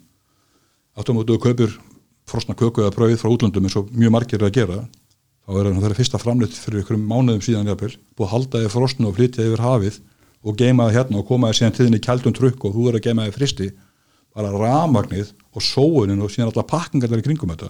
Þetta þarf að vera í lofthettu og það fyrir síðan í pappakassa og það fyrir síðan á pallett og svo framvegis og framvegis. Að- fristi gáma og fristi bíla allt þetta dæmi þetta er svona súræðiska tölur. Við sem matur, nú er ég ekki að tala sem eitthvað frásögnamaður en við erum matværa framleiðsluland og það sem við getum framleitt á sæmjölu verði eigum að gera þannig að ég fór að hérna svona smátt og smátt að gera meira og meira og meira sjálfur og, og nú veit ég ekki hvort að það er eitthvað borðaði íka en það er alveg gríðarlega sala í smöröfröð þarna. Alveg feikilega sala og, og ég vil tryggja feskleikan líka þannig að til dæmis eins og með nautakjötu sem er fyrir rósbífi, það er mörg hundur rósbífi smöröfröð selda daga þarna. Það er allt saman hægældaða nóttinni í, það er fullt á opnum þarna, rosalega fínum græjum það er topp og þau læn græjur þarna og það getur mjög ódýri vöði en að því að nógu tími til að elda á nóttinni í þessum græjum þá eldast alla sinur allt út úr vöðanum þannig að hann bara verður bara hérna geðvikastlega góður, svo er þetta bara skorið eftir hendinni þannig að þetta safar eitthvað gott. Engin rýrnun og það er smurt tvist eftir svara dag þannig að þetta er bara hvernig dagurinn er að þróast þannig að hérna þannig að það er ekki búið til 10.000 Nei, smöröbröð og svo það er að henda veist, það er bara 5.000 ef að- þú veist, blöðu hátastjórnin er búin, það er bara staðan tekin þannig að það er basically ekki verið að henda henni en alltaf allt fest. Þetta skiptir feikilega miklu máli. Og síðan til að uppfytta hennar drömmin um það að geta haldið verðunum niður líka þá er það bara þannig að því meira sem þú framleiðir sjálfur því meiri stjórn hefur öllu saman og getur ná verðunum niður. Og til góða þeirri viðskiptavinnin sem því að viðskiptavinn kemur þá því oftar sem því að það að báðir eru þá að græða því meira sko. bara gott dæmi er bara rúbröði sem fyrir að smöröbröði að áður en fyrir bakað sjálfu þá keftu við þetta bara í fína, fína, fína rúbröð eitthvað staðar og það kostaði 1600 kall stykkið og það voru 40 sneiðar þannig að það eru 40 kall sneiðin. Og þetta er þegar orðið kannski 15% verðin á smöröbröðinu og það er bara lótið mikið fyrir brauðu brauðu er náttúrulega að verða ótrýðast skilur Já. þannig að hérna ég segi að svona seint á ferlinum hann ekki að setja í gang bakari. Þannig fór aftur til byrjuninnar og setti upp vinsæðsta bakari á landinu. Alveg sturlaði að gera þarna sko. Og við fórum að framleiða brauða sjálfur og kefti sem bara góðan hýr til að skera brauði þannig að hérna þarna kannski við veði á sneiðinni farið úr fjór- 40 hvernig er 15 kall þetta ímyndu eitthvað hvað það er að árskunundalli þegar þetta farið að vera mörg hundur þúsund brauðsneiða sko. Þarna eru peningarnir. Þetta er ferlega skemmtilega leikur sko. Það geta verið í þessu. Ég veit alltaf að það er svona forréttinda staða að hafa fengið að vera í þessu en þetta er eitthvað sem ég fekk að gera svona tóltið mikið frið og þetta sjá til dæmis hvergi bakari í íkæðabúðum þetta er bara óþekkt en þarna er þetta bara stór hluti af konceptinu Það sem að þú gerir er að fá sko fólk í IKEA ekki fyrir húsgögnin heldur maður að fer oft bara að borða Já, já. eða, eða í bakarið og, og, Það og að sér hérna sko, þjóðarna sko. en, en, en svo líka, þú veist, ég meina pizzadegin og eitthvað svona, maður er ofta að heyra bara fólk að fara Já, já. til að kaupa sér hana, bara í matinn. Já, já. fer svo heim Það og er gerir þetta en tekur líka í leiðinni potta á pönnur eða já, pullu eða Það er líka annað í þessu, sko, sérstaklega í fyrstu árin sem við vorum, við fluttum á Hóltakörðum sem allir vissi hvað voru, voru nálægt Reykjavík og Reykjavík búum þannig laga sko, fórum allir fyrir Garðabæin og 19, fyrir 2006 þegar við fjörum og opnum aðna þá er þetta basically in the middle of nowhere. Það er ekkert nálægt þessu, það er ekkert urriðaholt og það er þétt, þéttingin er ekki næstu komin hérna á þetta svæði maður kerið fram í ásveið þegar maður fór upp á flug, flug. Já, það áttu voru að fáið leið þanga þannig að veitingastæðarinn var svona rosalega sterkur þáttur því að fá fólk til að koma svo hún veður búin að koma 34 sem áttur að því betur þetta líka svo djöðu vel við trafík því það er enginn ljósat og nokkast að nálagt og yfirbygg gatnamót og maður er bara þrjármyndu frá mjóttinni mm -hmm. þetta er þannig að líka þannig við þá fattur þetta er ekki þetta ferðala sem ótt manna ímynda þannig að það skiptir feikina miklu máli og, og eins og þið segið sko, að mjög margir sem gera sér erindi þarna bara til þess að fá sér að borða rölda sér inn í gegn og átt að sjá því að þeir eru komið fulla yngöpakorfi þegar þeir eru búnir mm -hmm. þetta er svona daldinn triksi sko. og svo sko, þeir tekum maður eina Toyota árum maður í horri sko. en þetta hérna þetta var svona mjög skemmtilegt hérna dæmi að byggja þetta upp og eins kaffihúsi sem er upp á við hérna veitingastæðum mm -hmm. það var svona daldinn breykþrú hjá okkur líka þannig ég fekk svona hérna minn gamla dröym að regga bakari uppfylltan aftur. Mm -hmm. þannig að ég og, og var þetta 100 miljónir eins og varst að segja. Miklu meira sko. Okay. en e, sko að því að eina ábæting það sem að fólk vissi ekki. Já. ég var ofta að kenna fólki. Litla askjan brefið Já. undir sósunar maður á að opna það. Fólk var ekki átt að segja því. Nei. maður opnar hann og þá stakkar hún. Í staðin fyrir að það er að taka þrjá þá opna maður. Og það bara taka eina. Já, áður og setur Tómasur nýja Já, þá rýfum maður út og þá opnast hún en þessi sósubar, fyrst og nátt tala um hann hann er svona hugur, hugur smíð mín líka. Það hérna ég hef notað það svona sem er leiðilegs í mínu lífi að allt það sem fyrir töðunar mér bara sem kuna annar staðar það reynir ég svona heimfæri yfir mitt umhverju og get ég laga þetta eitthvað. Og þú með umhverjusmáluna þar ég seldi áður kóttursósu bara ég seldi hann í plastösku með álógi og ábrentaða frá einhverju fyrirtæki og ágættis kóttursósa og síðan sá ég í ruslinu hjá okkur þegar það var að taka á diskonum að önnökkur kottsósa var kannski með helmingnum eftir mm -hmm. en suma voru búnar og hún kostaði með einhvern hefningi innköpum sem bara 80 kallið eitthvað skilur og þú veist sem bara hefningspenningur og ég þurfti að rauka fyrir hann allavega 150 kallið, ég þarf náttúrulega að borga vaskina og fá eitthvað fyrir þetta og 150 kallið er bara ekkert lítið mm -hmm. Ekki þegar réttur sem þú köpa kostar kannski bara 400 kall. Mm -hmm. þá er þetta að stótt íþýgjandi Er það luxusvara kóttir svo sann? Nákvæmlega, þannig ég fór svona að skoða þetta. Og okay, hvað kostar það bara 10 litra fata kóttirsósu eða honumöstard eða blue cheese eða hvað sem er, það kostar alltaf ekki neitt. Mm -hmm. og hvað er fólk að taka mikið? Og þannig að ég, sem er ok er ekki bara miklu sniður að gefa sósuna menn geta fengið sér sem þið vilja hækka réttin kannski 50 kall í staðin allir réttin hækka bara 50 kall á veitingastæðin sem er innan sársökumarka menn geta fengið sér það sem vilja. Ég til dæmis mér sjúkur í kjúklingavengi ég fæ mér bæði honamöstard og hot sauce og gráðsósu og kottsósu en bara lítið að hverju. Sóunin er miklu miklu minni. Það er ekki verið hendininu plastið álókum og kúnin er miklu miklu ánæðari Þetta er alveg rétt skilur, við förum bara hérna ég og Sæður förum að fá okkur hambúrgar og, og hérna annar er búið með kottur svona alveg já, já. og hinn er bara með helmingina sko. Þetta er sóun, basically mm -hmm. og þú ert að gera fólki, þú ert að trubla fólk að það er rosalega með þessu og ég get sagt að þegar Sim og Jó opniði fabrikuna, þetta er nú kannir félagið mínir þá komir það hins og tímin og svona smá ráðgjöf áður en það er opnið og ég sagði við á Rukki fekk að hundaketta með fyrir hambúrgaran og lækið kostur svona mm -hmm. kostar hambúrgar kostar 1600 og 1700 er ekki stóra málið en kostar 300 eða 200 fyrir kostur svona er miklu meira mál þeir þeir miður hlustuð ekki en þeir eru átt að gera það. En því hún eitthvað vangina, maður er nú búin að borða ófaða vangina þannig ekki sko. Ég hef aldrei bara vangi yngar Það ekki, það er bara ég, Er það góður? Gekkjar, já, já Þegar ég kom heim frá Danmark ára 2000 þá var vangjum hend á Íslandi. Já. Þetta var sko ólöku bitin eða fórst að kent ekki frætt þá varstu mm -hmm. vangi, þá varstu bara, þú veist, það var sarti bitur sko. Mm -hmm. Það var hend bóstala, það var engin að gera neitt með vangi og þá var ég búin að vera að selja vangi í Danmark mörg ár Þannig ég talaði við Móa sem var þá eitt stæðsta kjúklingadæmi hérna og þekkert alveg gera fyrir vangi. Í dag er það þannig að IKEA sem er stæðsti vangi að selja landinu, þeir fá vangi fjóra daga af sjö. Eða þeir geta selgt vangi fjóra daga af sjö. Já, það er það mikið neitt, þarna talað um sko fútveist. -hmm. Þetta var sem var, var urðuð áður, mm -hmm. það er ímyndilegt hægt sko. Já. Saman með skankana, ég það fengi ykkur skanka IKEA. Já, þetta var svona söguð í súpukjötu vegna að það var ekki markað fyrir þetta í dag fórst ekki skankar það er alls konar svona gullinni bitar til bara þú nennir að elda á sko. Já.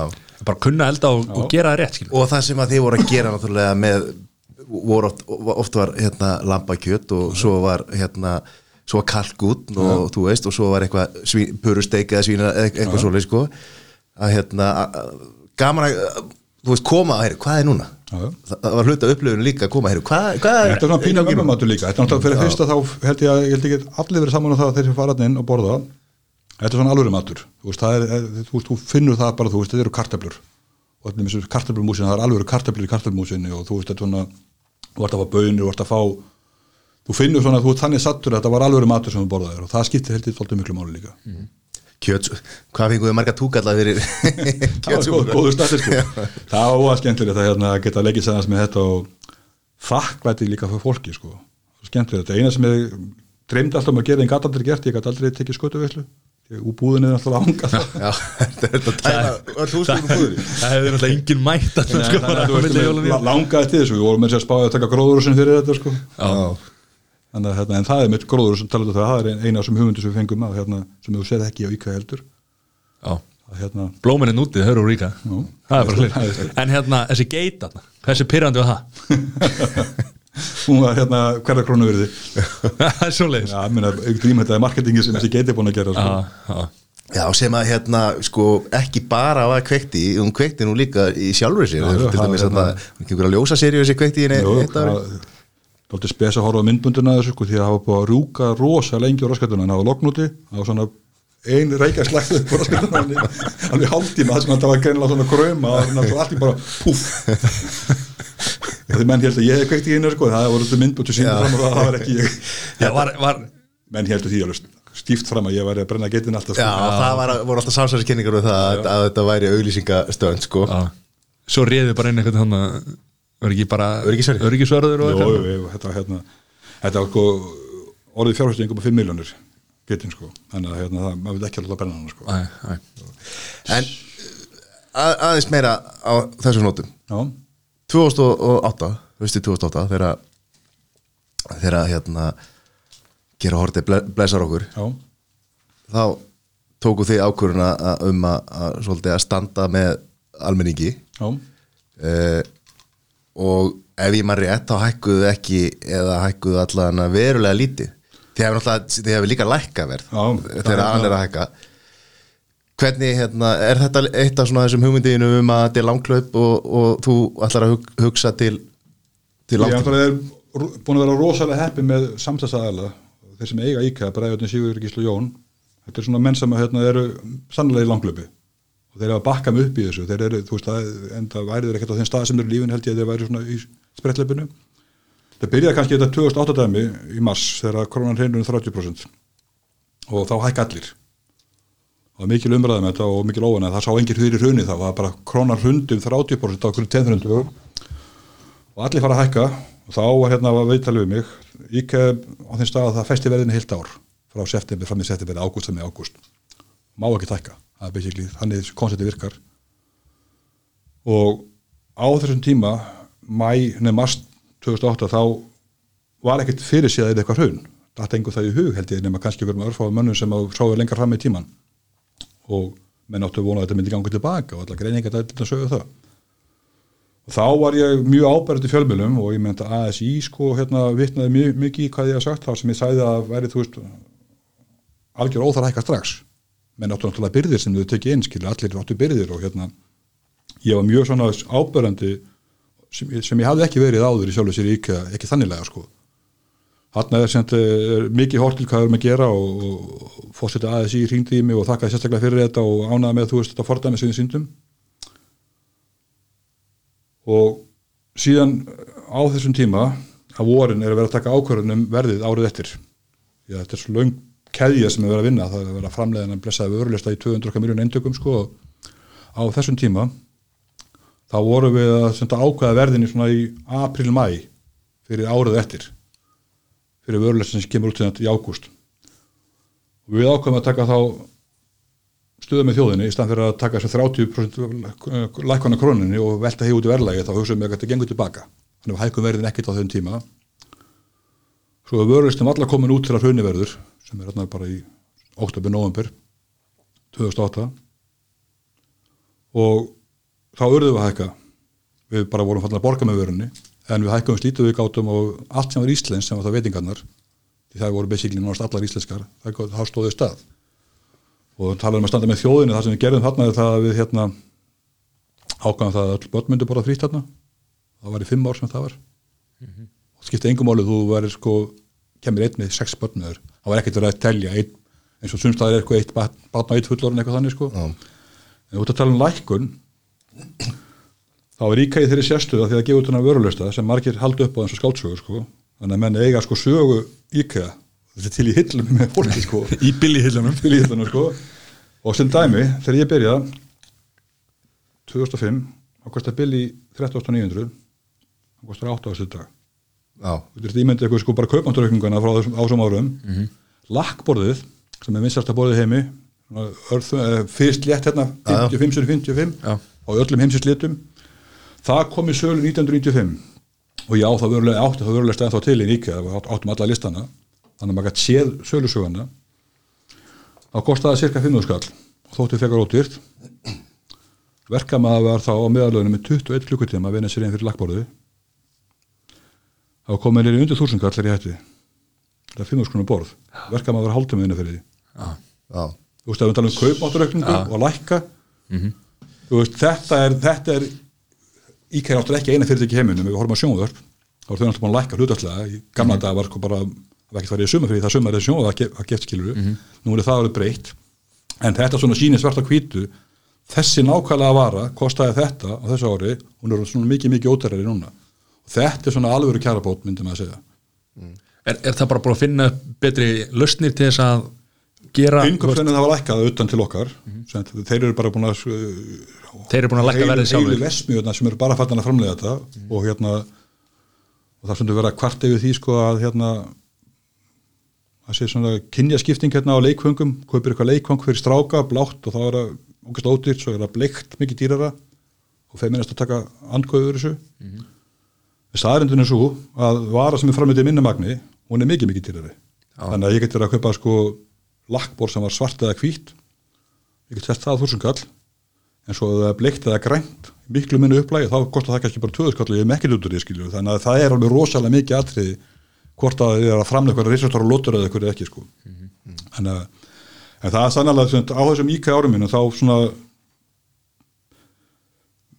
ég veit ekki, ég svona maður kalla það líka við geðró skilur, ég er svona hérna bara fer á þann stað að ég er svona vera alveg opástu upptökin að því að halda verið nöðri og það er svolítið gaman að fá að vera þá kannski þáttakandi í þessu dæmi sem IKEA er búið að vera síðust ára það sem að menn geta rétt sér það sko. ár eftir ár eftir ár eftir ár að jafnvel að verðstandi stað eða lækki. Það er mjög gefandi sko. ég meit einn og við klárum hérna klárum kannski tími, tímabilið þó við getum talað um það í allan dag sko, að, hérna, við áttum stóla í gamla stúdíun okkar. Og áttum bara þrjá.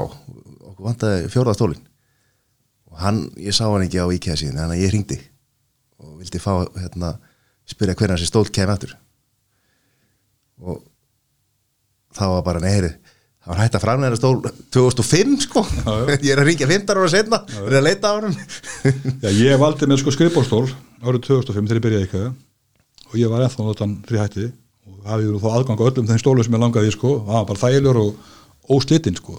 Þannig að auðvitað sko ég man ennþá eftir því þegar bróður minn sem er svolítið eldri en ég bjóð upp í Hamraborg og hann var að kaupa okkar íkamöblu sem voru bæði óþægilegar og lélegar sko. Svo, en sjálfsögðu hefur fyrirtæki á 50-60 árum gerð breyst og að tala um eldurhendingar fáranlega góð vara kostar kannski eitt þriðið sem hann kostar annars þar og svo tekur allt innvolsi sem áfær inn í þetta sem skiptir feikjlega miklu máli nýja bara standartindur og allt saman þá er þetta mjög vandað og kostar bara brota sem að annars það kostar með fulla nýtingu en það er mjög gaman að hafa verið í þessu hérna svona, margt sem kendi mann líka hugsa út úr í bóksi sko, á þessum 14 árum ástæða mikið breyting á kauphauðun hvernig fólk er svona að vera að akta og, og hérna stundum þá svona eru skemmtilega lausnir. Það sem að hérna er ekkert alveg augljósari byrjun. Sem dæmi eða færið nýleika þá sjáum við það eru fimm svona ramaspílar fyrir framann, sem getur fengið lána fyrir þúskall sem er svona að tekka góðu dill sko og sendi bíl fyrir svona, hérna. og menn haldur þessi eitthvað gjafagjörningu sko. Ég held að íkja þess að hagnast með 30 miljónur ára þessu. Og það er ekki vegna þess að leigan svona halla á sko heldur hérna þetta er, nú ég segi viðskipta lendamál en hérna það er þannig að fólk var í meira og meira mæli farið að nýta sér það panta á netinu fá starfsfólk íkæð til að týna það með vöruna fyrir sig og fá hann að senda og þetta er rosalega fýtt bransið þú ætti að selja Apple síma eða eitthvað það sem að síminn kostar 100 skall sko. en þú ætti að selja eitthvað sem kostar 10 kalla og 100 kalla eins og kertið eitthvað þá er með manni fullir í vinnu með innköpa kerru, lappa um búðuna eða menn í margri fleirtölu sko. þú ert ekki svona aðeins byrju önnið þeirra sko. risabúð reysabúð sko, með og, app- og lagarinn er bara öll búðin þá ertu bóstalega um alla búðin að sækja ramma eða eitthvað fjandan og hérna gríðara dýrt síðan þarf að ganga frá þessu til pakkingar og koma þessu til kunnans og þetta voru opbúrslega líjandi fyrir okkur. Það voru mannskapar að vinna allar nóttina hellingar af fólki, bara að hafa upp það tíni til pantanir. Rosalega dýrt. Og við vorum að velta fyrir okkur, hvað getum við gert til þess að minga þetta, við stoppum þetta ekki það er ekki, það er, það er, ekki markmið, getum við dreigið eitthvað úr þessu? Og af hverju er fólk að gera þetta? Og eina af niðurstöðunum var svo að fólk var að gera þetta vegna þess að fólk átti ekki bíl. Eða átti ekki nóg stóran bíl. Þannig að fólk var að, tökum bíli í bókarskap sem endur á þann svo kostar 7 skall eða 8 skall. Sem er mjög flott verð af skáp. Ef þú síðan fara að senda hann heimtíðin þá kostar hann 20 skall. Því að eitthvað sendibíl tekur 12 skallir eða eitthvað. Það er ekki tvoðalega gott verð. En það er verðið sem þú fannst fyrir. Ekki 7 skall en 8 skall með íkæru ykkaði heldur heildaverðið þannig að hvað ef ég býður upp á það? Að þú takir strætó að þú ert bílus niður íkæða sem kostar eitthvað 100 kalla getur þið safnað fyrir 1000 kall tekur bíli í bókaskapin og borgar 1000 kall fyrir hennar bíl. Kemur hann um hendiðin sjálfur til þess strætó heim þá ertu kannski bara í tíu skallinum það er ennþá heldur góðu dýl búin að borða. Búin að borða. Þú týnir til skápin sjálfur og gerir þetta allt saman sjálfur. Ja. og ég losna með það að menni vinna allan nætur. Við reiknaum þetta þannig út, við getum fyrir bíla. Og fjármálastjóra minn var- vann þetta mjög grundið til mig og hann reiknaði þetta þannig út að ef við næðum að meðaltalið tveim legum á dag per bíl, eða tíu legur á dag allt í allt, þá er þetta að skila svona 30 miljónum ári ef við reiknum okkur bara allan kostnaðin við þetta. Síðast þegar við þessi þá var sko legan komið upp yfir á dag, sem 50% yfir bjartinnisbónum okkar. Og svo er þetta náttúrulega umhverfisvænt líka og svo er þetta auðlýsing líka. Og kunni líka ánæður skilur algjörlega. Þú veist að því að það skiptir náttúrulega mestu máli skilur að líka bara geta farið í búðina.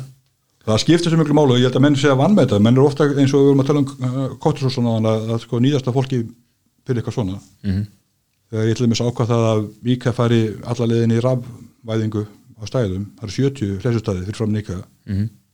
ég held að það sé fleiri heldur Reykjavík borgað með rekstri sko, sem er þetta sorglega sko. Og líka kerfið þetta góðar. Ég, ég veit það að þær taka allavega 250% af, af því sem að þær eru uppgefnar fyrir. Já 300 kílóin hvað hefur sest í það? það, það eru, þú veist, það eru, þú veist, stæsta pakkingin íka er, er 240 cm löng og þetta eru 240 cm kerfur, þetta er allt svona með bara útpælt sko, það, það kemst allt í þessa kerfur. Já, ég nefnilega, ég fattaði þetta ekki eins og ég offlóða af, af hérna, parketta og vörum sko.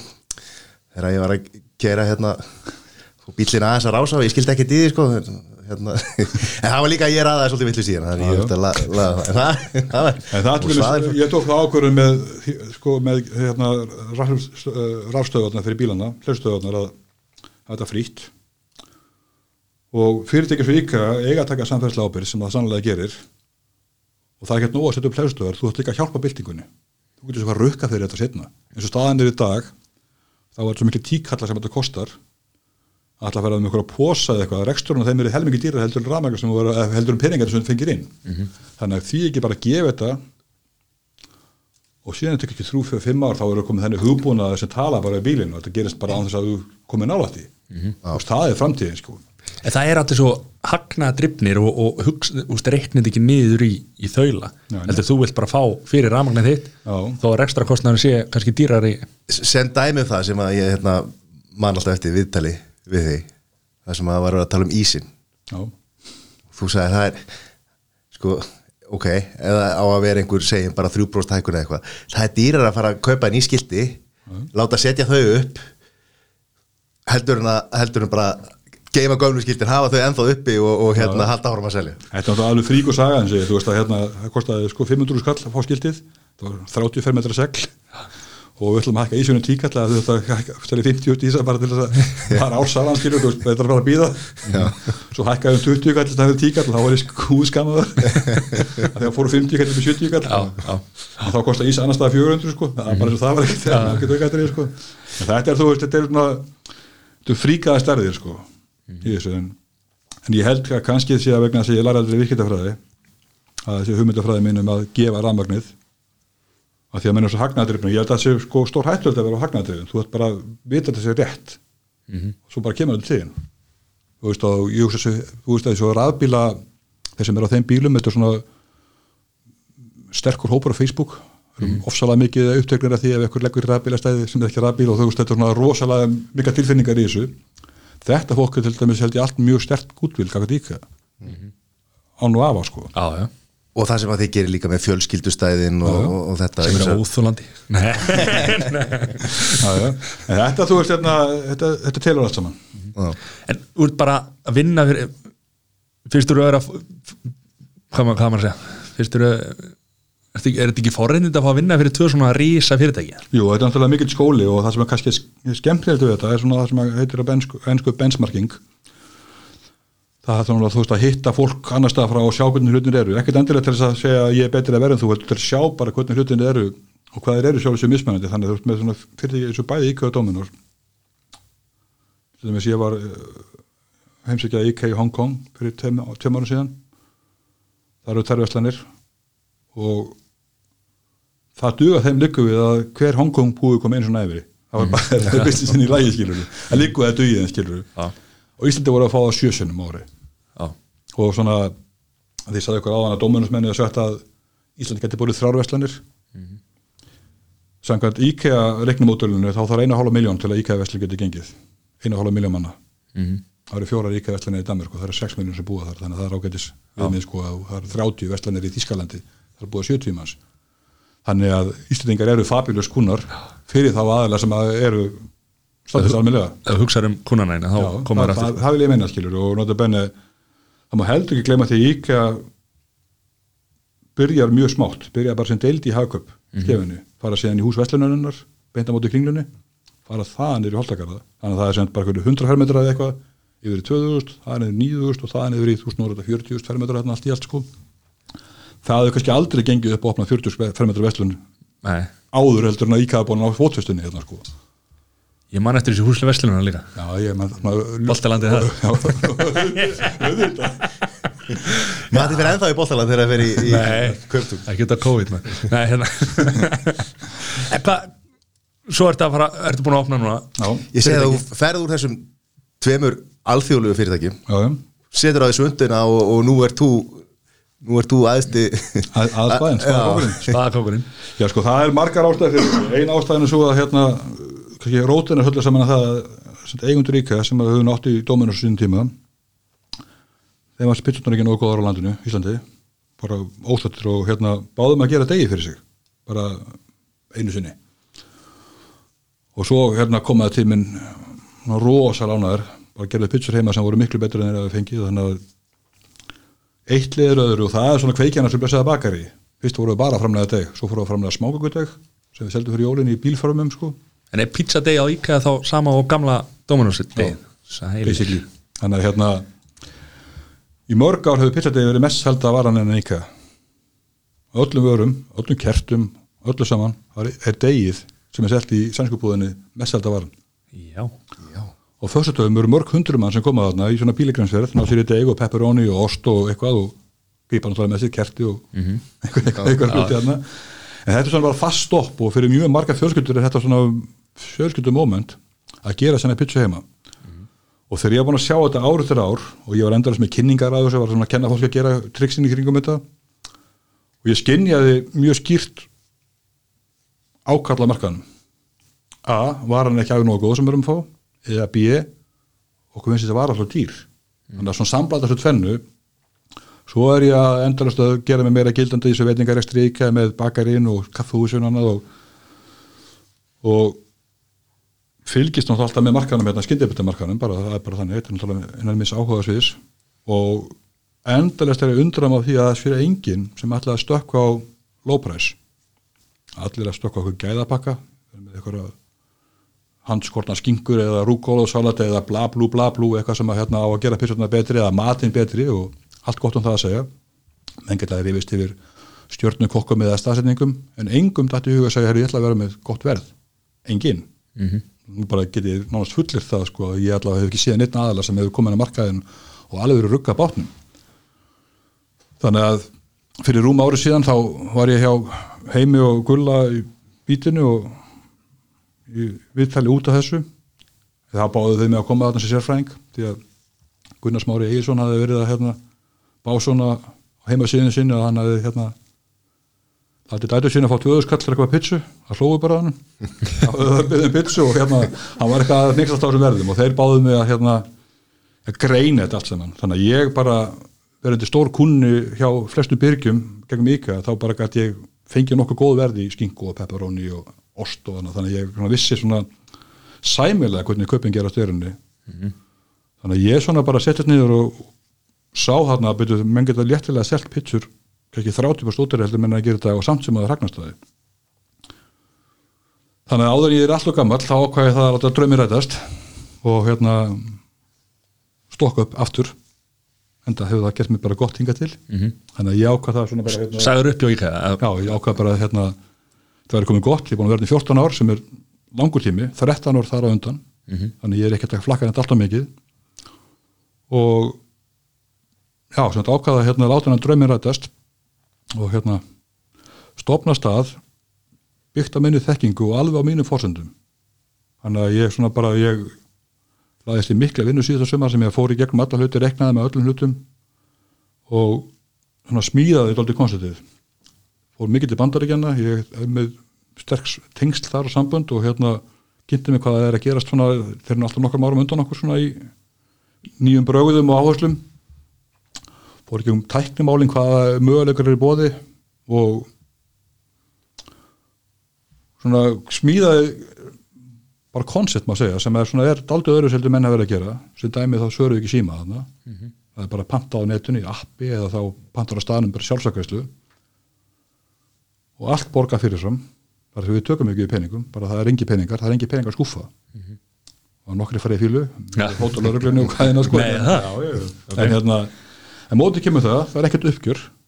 Mm. það er engin dýrnuna peningum það er, allt greitt fyrirfram, það kom allir að sækja. Á dómun svo er það þannig að menn kannski pöntuði pitchu og kom aldrei.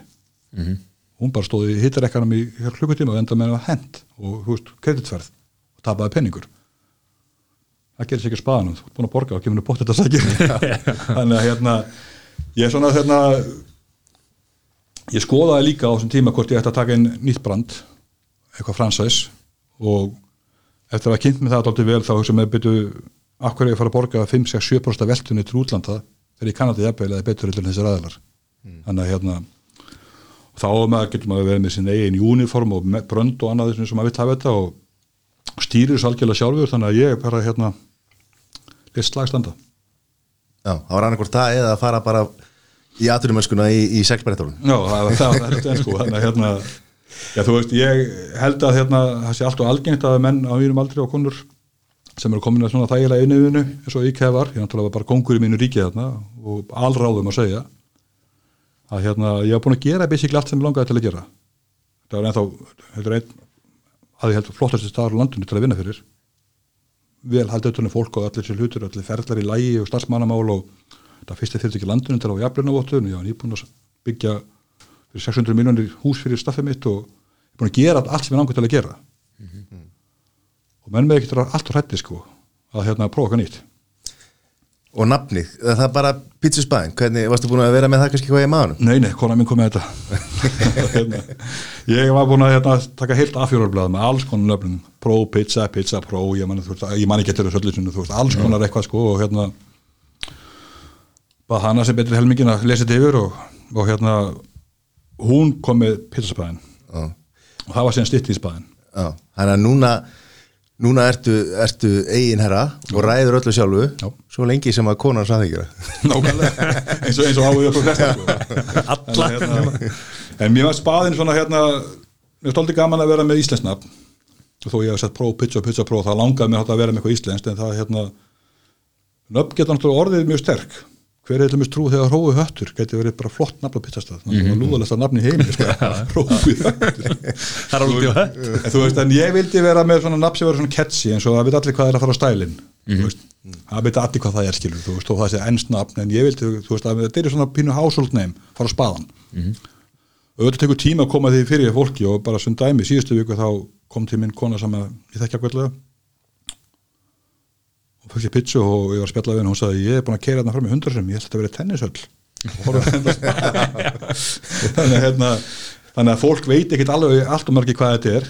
Þannig að hérna, það er bara verkefni sem ég er framöndan það er að kynna þetta í róleitunum en þú byrjar ekkert að auðlýsa neitt? Nei, ég hérna þetta er rétt byrjaði núna. Já, rétt byrja núna og er svona er bara svona að fara að fara að stað. Það sem að gerist við svona öll svona fyrirtæki sem opna sem að það var náttúrulega búin að pínu hæpi kringum þetta, ná, þú veist, fjölmið eitthvað að fylgjast með. já, Menn byrja oft með einhverju rosalega látum, samanbyrð Dominus, það sem að barni fór á spítala.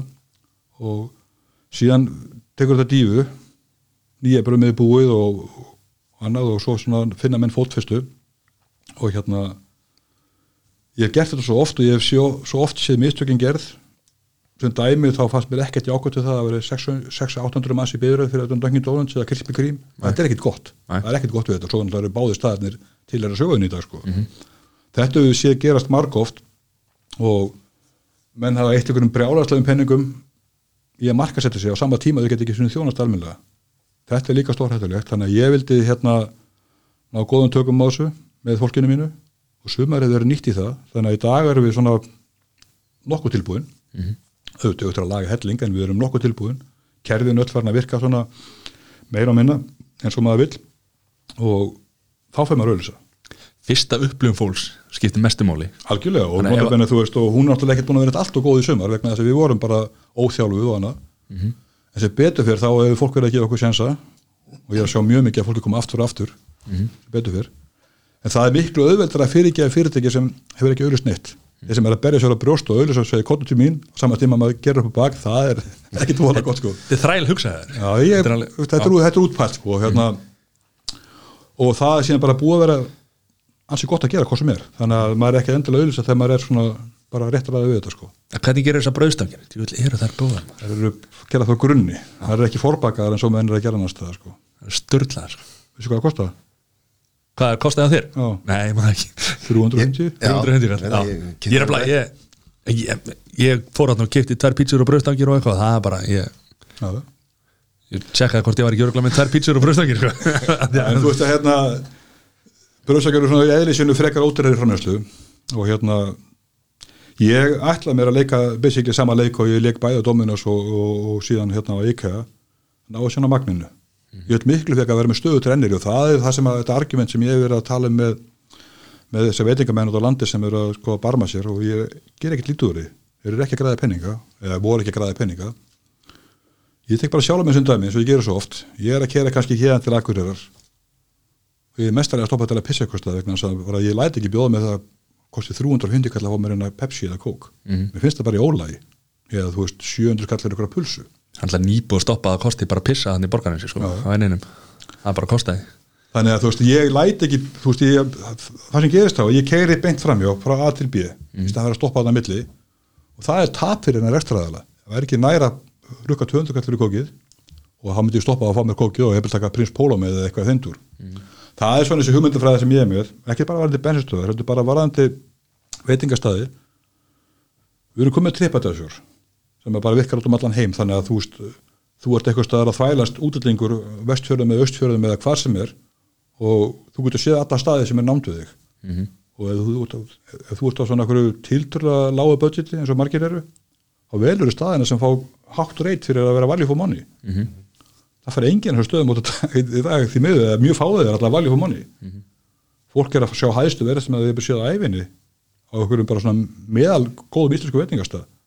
En fólk, þetta er eitthvað vítarhingur sem það. hugsar skilur um þú veist til þess að fá peningakassan þá Já, var ég veit þetta að því að þú selur bara einn kaffibólla á dag þá verður er það að mjög kosta líka skilur, notabenni. Já, en úst, hvernig er að hvernig er hægt að komast úr þessum vítarhing Þú veist, sko málið það, margir þessu stöðum sko, fyrir fyrsta er hann bara þannig með þennan veitingarekstur að það er ekkert lögmál að allir í að lifa.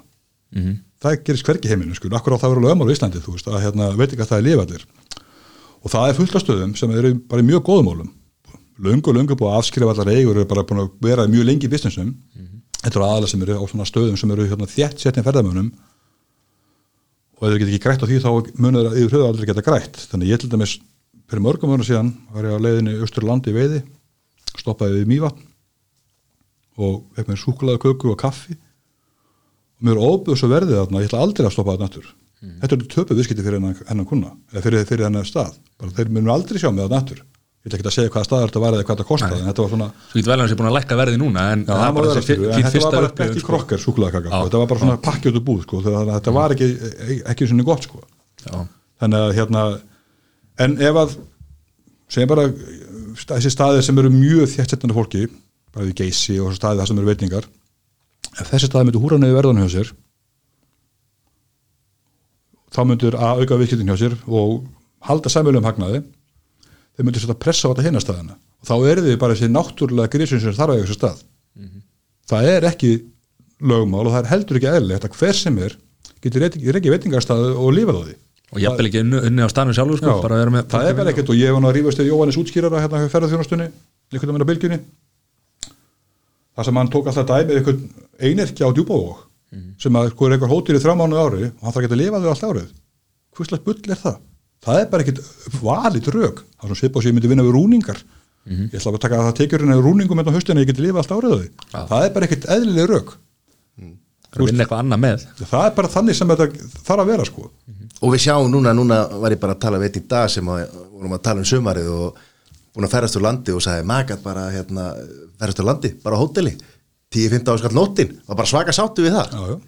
að að hafa borgað það hérna, sem, sagt, sem er ekki hægt áður sko. Já, ég heiti bróðum minn um daginn, hann var búin að vera með húsbílalegu í, í viku. Og ég ætla að vera með 80% af þetta og hérna á mjög sáttu við það skilju en hérna, ég held að þetta er náttúrulega bendur, þetta er sannlega rétt, þetta er vítarhingur það er fyrsta, fyrstu viðbröð er að það hækka. Og ég mani mitt eftir því þarna nýlega byrjar á Dóminarspitsa þetta er gekk illa hjá okkur. Og ég á stjórnafundi komið til að við ekki hækka þess og svo slamin í hausinn af hérna, þeim sem að voru klárar heldur en ég bent og það að það er bara er ekki útspilið. Þú veist að gengur illa hjá þér ekki hækka, gerðu allt annað en það. Lagaði hjá þjónustuna, breyttu opnuna tímanum lagaði vöruna, ekki hækka. Það er bara að stíka öðrun hnífi í sárið sko. það er bara það er um mjög fáið verið sér hvernig átt að svo því sko. Já, þetta er nefnilega það getur vel að viðskiptafræðin sé að kenna þetta bara Já, ég, ég hef svona pínu grunni það sko. og svo er eins og þú að tala um á hana eins og Íka, gati ekki, að, vildi ekki hækka þegar þeir áttu byrðir já, já. einhvern veginn sko þegar bensin verða hækkar þá var einhvern veginn hækkara strax og það er enga byrðir í Þekkjum alveg landinu sögu og það sem að gerist við þetta það myndast svona djúb óbeit Mhm. á þessu fyrirtækjum hvort sem það eru tryggingafjörður sem taka snúninga á þeirra þegar þú far aldrei bæturnar þú sem að telur þig eiga Mhm. og hérna er ég að alafa þetta eru tryggingafjörður hverjum degi að borga út bætur já, já, já, en einhvern veginn er það þannig með olíufélögin að manni finnst að þegar verða olíu hækkar heimsmarskaverði þá er þetta dempaði strax út í verðlagi það þegar enga byrjuð til. Mhm. þegar hún lækkar þá er byrjað þannig alltaf svona Það er alltaf mikið alltaf. Og þetta pyrra fólk en ég, þú veist, ég held einhvern veginn að viðskiptafræðin sé sko daldur stöðnuð þessu. Ég hef nú tekið nokkra reymuna við viðskiptafræðinga út af hvernig ég eitthvað rak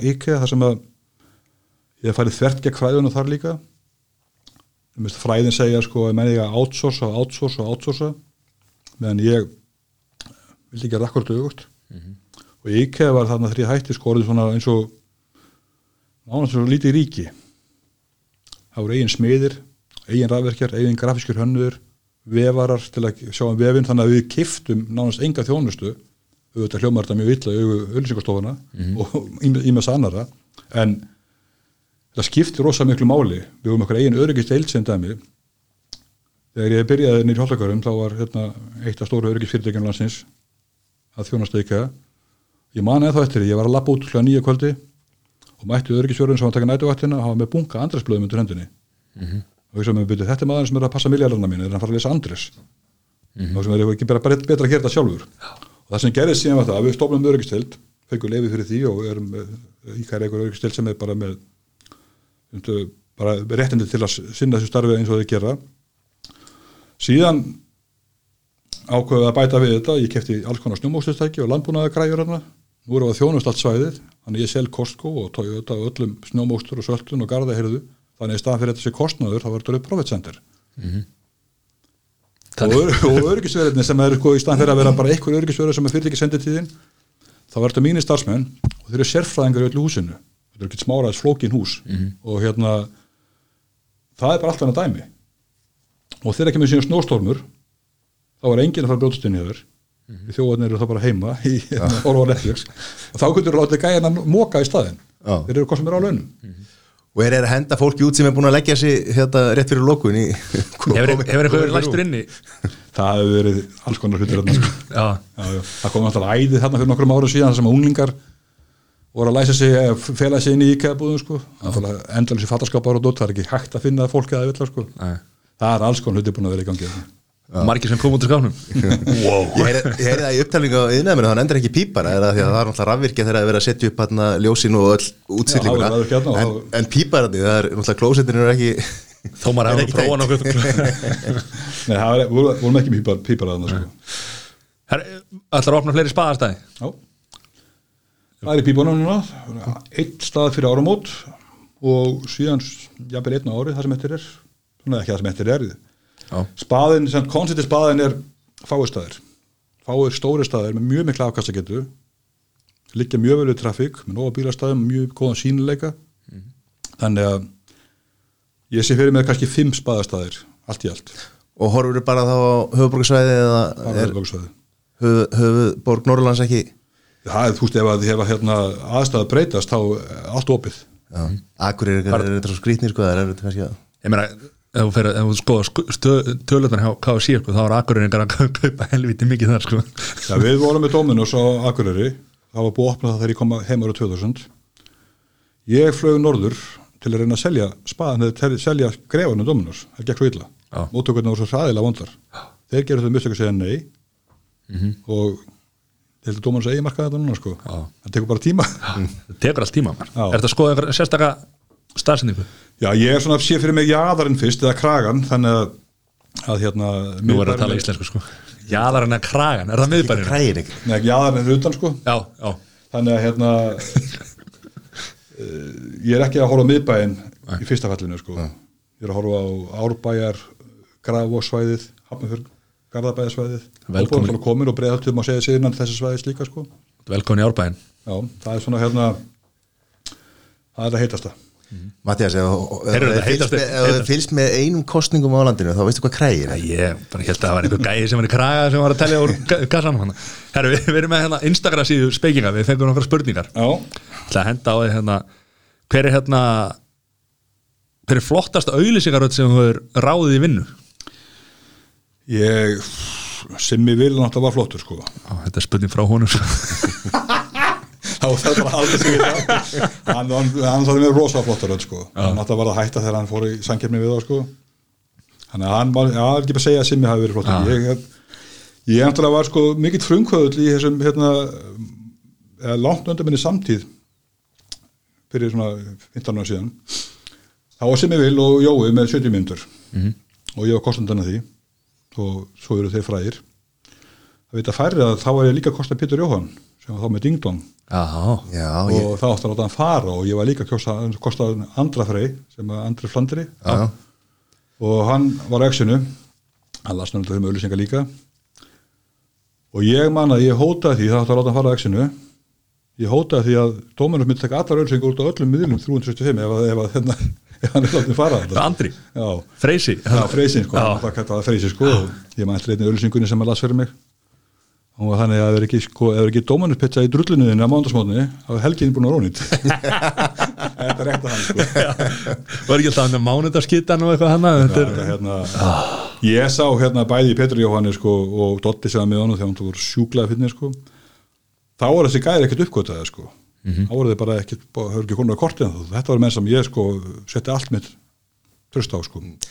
Ég sé að þú- skarta glæsilega leðak Ertu rockari þá? Ertu? Það eða? er okkundur sko Það er annar rockhundur núna hérna í smá stormi Helgi Seljan, Já. hann er náttúrulega mikill var það barnapíðan sem kannski, hann bjóð á kortsputinni Já, var, hann þá, var hann þá komin að austan? Nei, áður hann fröstu Mamma, sem þetta, mamma hans er að kortsputinni og þetta, hvað maður segja hérna móðubrúður hans er að vinna fyrir mig á spáðanum sér um vinsluna hjá mér og er líka fjármárastjóri, askuvinu minn.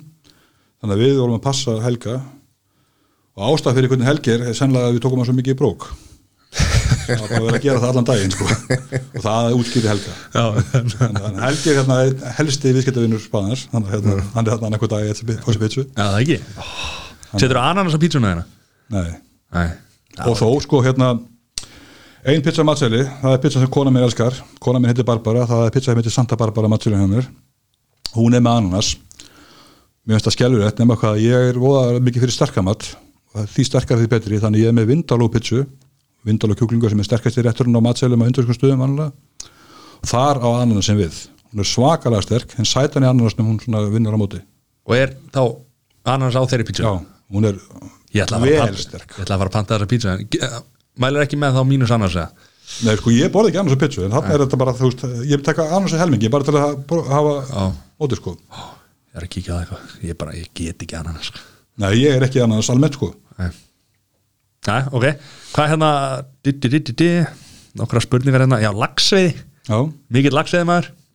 Ekki sumar. Ekki sumar? Nei, nei, ég, hérna ég er svona að hæja þess því. Ég tók svona rosa, ég var alltaf veiðamaður ofsalega gaman að hérna stangu þessi barbara sem sílungsveiði síðan að ég bát og við krabba og þosk, ég veiði krabba þetta á skerjafyrinum það er hérna er komið nýbúið til Ísland sem heitir grótkrabbi það er ekki náttúrulega tíu á síðan fyrstu krabbarnir fundust og þetta er svona alfa predator, hann drefur allt.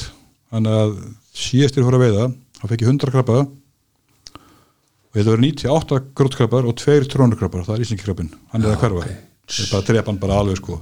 Þessi krabbi er brjálæðslega góður að bráði óbáslega verðmættur úti. Ég verð að horfa á YouTube myndbund það sem menn eru sko hérna.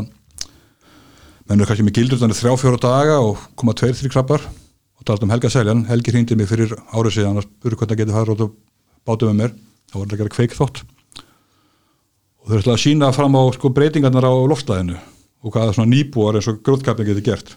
Hann hringdi mig setnipartinn ég átti enga beitu. Ég átti frosturkaðan urriða í fristinu hjá mér og ég skar hann í bita hendun með gildurinn og hendin út. Og sem með hann deginum eftir hálfum sólræðing setna ég var ekki vissum meiri neitt í gildurinn sko. Já.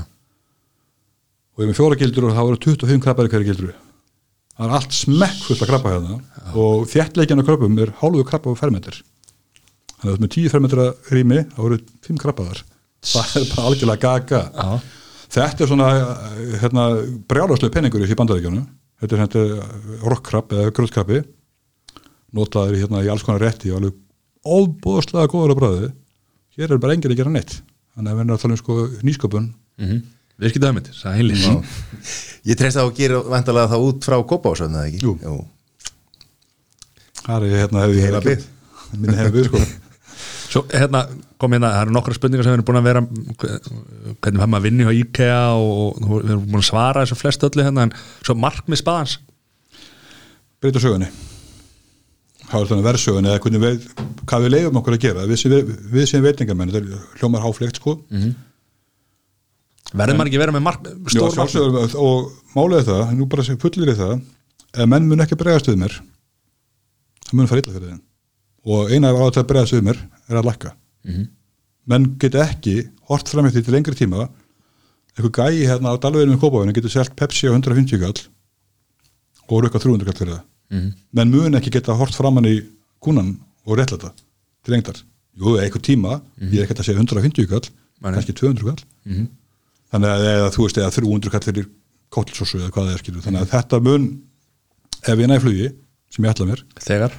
Já, þá mun þetta setja þannig pressamenn að menn mun ekki geta rétt sér þetta. Það er búið að vera status quo á markaðanum, þar sem einn aðali er langstæðistur og hann hefur sett verðin og hinn er að bara plasera sér aðeins fyrir neðan. Þannig að menn bara verið happy.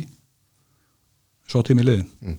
Fyrst er pressaður, þú ert búin að breyta, breyta sögunni tvísvar Alveg hérna. Það er pressa. Nei, það er- það eru mikla vendinga í tíminn ég er náttúrulega búin að vera að rífa kjátt út um allt og að vita það allir sko, en hérna en það er, þú veist, það er rosa pressa og þá er ekki pressan langt með sig að mig sjálfum sko. mér langar svo rosa mikið til þetta takist ekki til að ég græði heldur til þess að þetta, mér langar til að þetta breytist. Mér finnst þetta að vera sko ég læta þetta trubla mig svo rosalega hvað er eh, líst í, í dag hvað við, erum að leiða okkur að gera þú veist er bara ykkur hundómekkilegur matur fyrir þennan rosalega penningsaður eitthvað fyrir. En þú, þú, þú ert að leggja allt þitt í þetta og ert, að fara, ert á staðnum alltaf að baka pítsur og, og ég er bara valla búin að taka mig frítag allt þetta ár og hérna, þetta er þannig dæmi, ég er búin að gera þetta ofta áður að að getur annarkoð tekið þetta sko hratt og með smá sásöka eða þá tekið langa tími í þetta og annað. Og þegar ég tapa öllum peningunum þenni bakar á þessum tíma svo voru miljónir, þegar ég átti ekki neitt. Þá sagði bankinu, þú getur gert þetta á fimm árum eða þrem árum. Ég ákvað að gera þetta á þrem árum og átti ekki neitt á því þrjú ár, bara var þarna í íbúðinu sem aður var myrtur í og hérna og hérna og svona í, í hálgeri eimt sko. Bara það var að selja allt mitt og annað. Þú veist en þá var það líka bara búið á þrem árum. Þannig að ég ætla mér að hérna sinni svo bara fullur núna í bara næstu misseri að koma upp kannski þegar fyrir fjórum spaðabúðum og það er bara hellis vinna og þú veist ef ég ætti að segja að vera eitthvað svona sem er horfið til þá held ég að Tommy Hard Rock eða borgar hann búlunni og hvað hann hefur verið sko, hann er svona maður sem að hérna, ég veit er búin að gefa sér allan í það sem hann hefur gert mm -hmm. það er gamla þetta þegar maður fór á Hard Rock kaffi þegar hann var enda þar þá var hann basically alla daga að að fylgjast með að tónlistin verið lægi og sterfböndur stuttum pilsum og borgararnir djúsi sko. -hmm. það, út á það gengur þetta skiptir máli algjörlega Hardrock í dag, ég held að sé ekki nema í mínus miljard já, voru nýjustu fréttir held ég. Smá, smá, er erfið, erfið tímar sko. smá brekka. Munum við sjá rock crap á, á matselunum eða? ég er nú búin að gæla dóldi mikið við það. Vandamál með krabbakjöt, það er algjörlega fytusnött það er ekki ein arða fytu í krabbakjöti þetta er bara þurr vöðvi. Og allt sem er fytulöst fer illa pitsur þannig að þetta þarf að vera djúsi sko, þannig að hérna annars þotnar þetta svo mikið sko. En ég hef verið að spá í því, það er náttúrulega rosa lítið gjöt á krabbamann til miður sko, en hann er óbúslega bara mikill Já, erfitt að fá magnið. Já. En hver veit? Kemur ljós. Heyrðu, erum við ekki orðin góðir? Bara Ég- virkilega. Ég, hérna, ég ætlaði nú að fara í betri bygg og, og, og hérna, hvernig þú ert búin að bæta nærsamfélagið, en, en hérna, það verður að býða Þeir eru svaldi Gunnar Birgisson úr bænum. Já, og hérna mótmæli og, og fleira sko, Vi, við látum það býða til betri tíma. Ekki málið. Þorrein, takk hérlega fyrir komin Takk, takk, og allir, uh, hvetjum alla til þess að fara, fara á spaðan þá það. ég fæ mér að dróttingur eða kongin það er svona ég er alltaf bara basically pepperoni pítsumar og reynda mjög góð og, og Fáðu þá hérna með ekstra sterkar pepperoni hérna. Norrlenska hannaði fyrir mig. Þú tók á þetta hálft ára á því sko. ekstra, ekstra spicy pepperoni. Það er svona fyrir fullóna ok, það er með fjóru svona meira chili heldur en pepperoni. og það er alveg verulega gott sko. það er svona rífut alltaf vel í sko. ég fyrir beint í það og pítsas pítsu og brauðstangir, það er einast Takk fyrir takk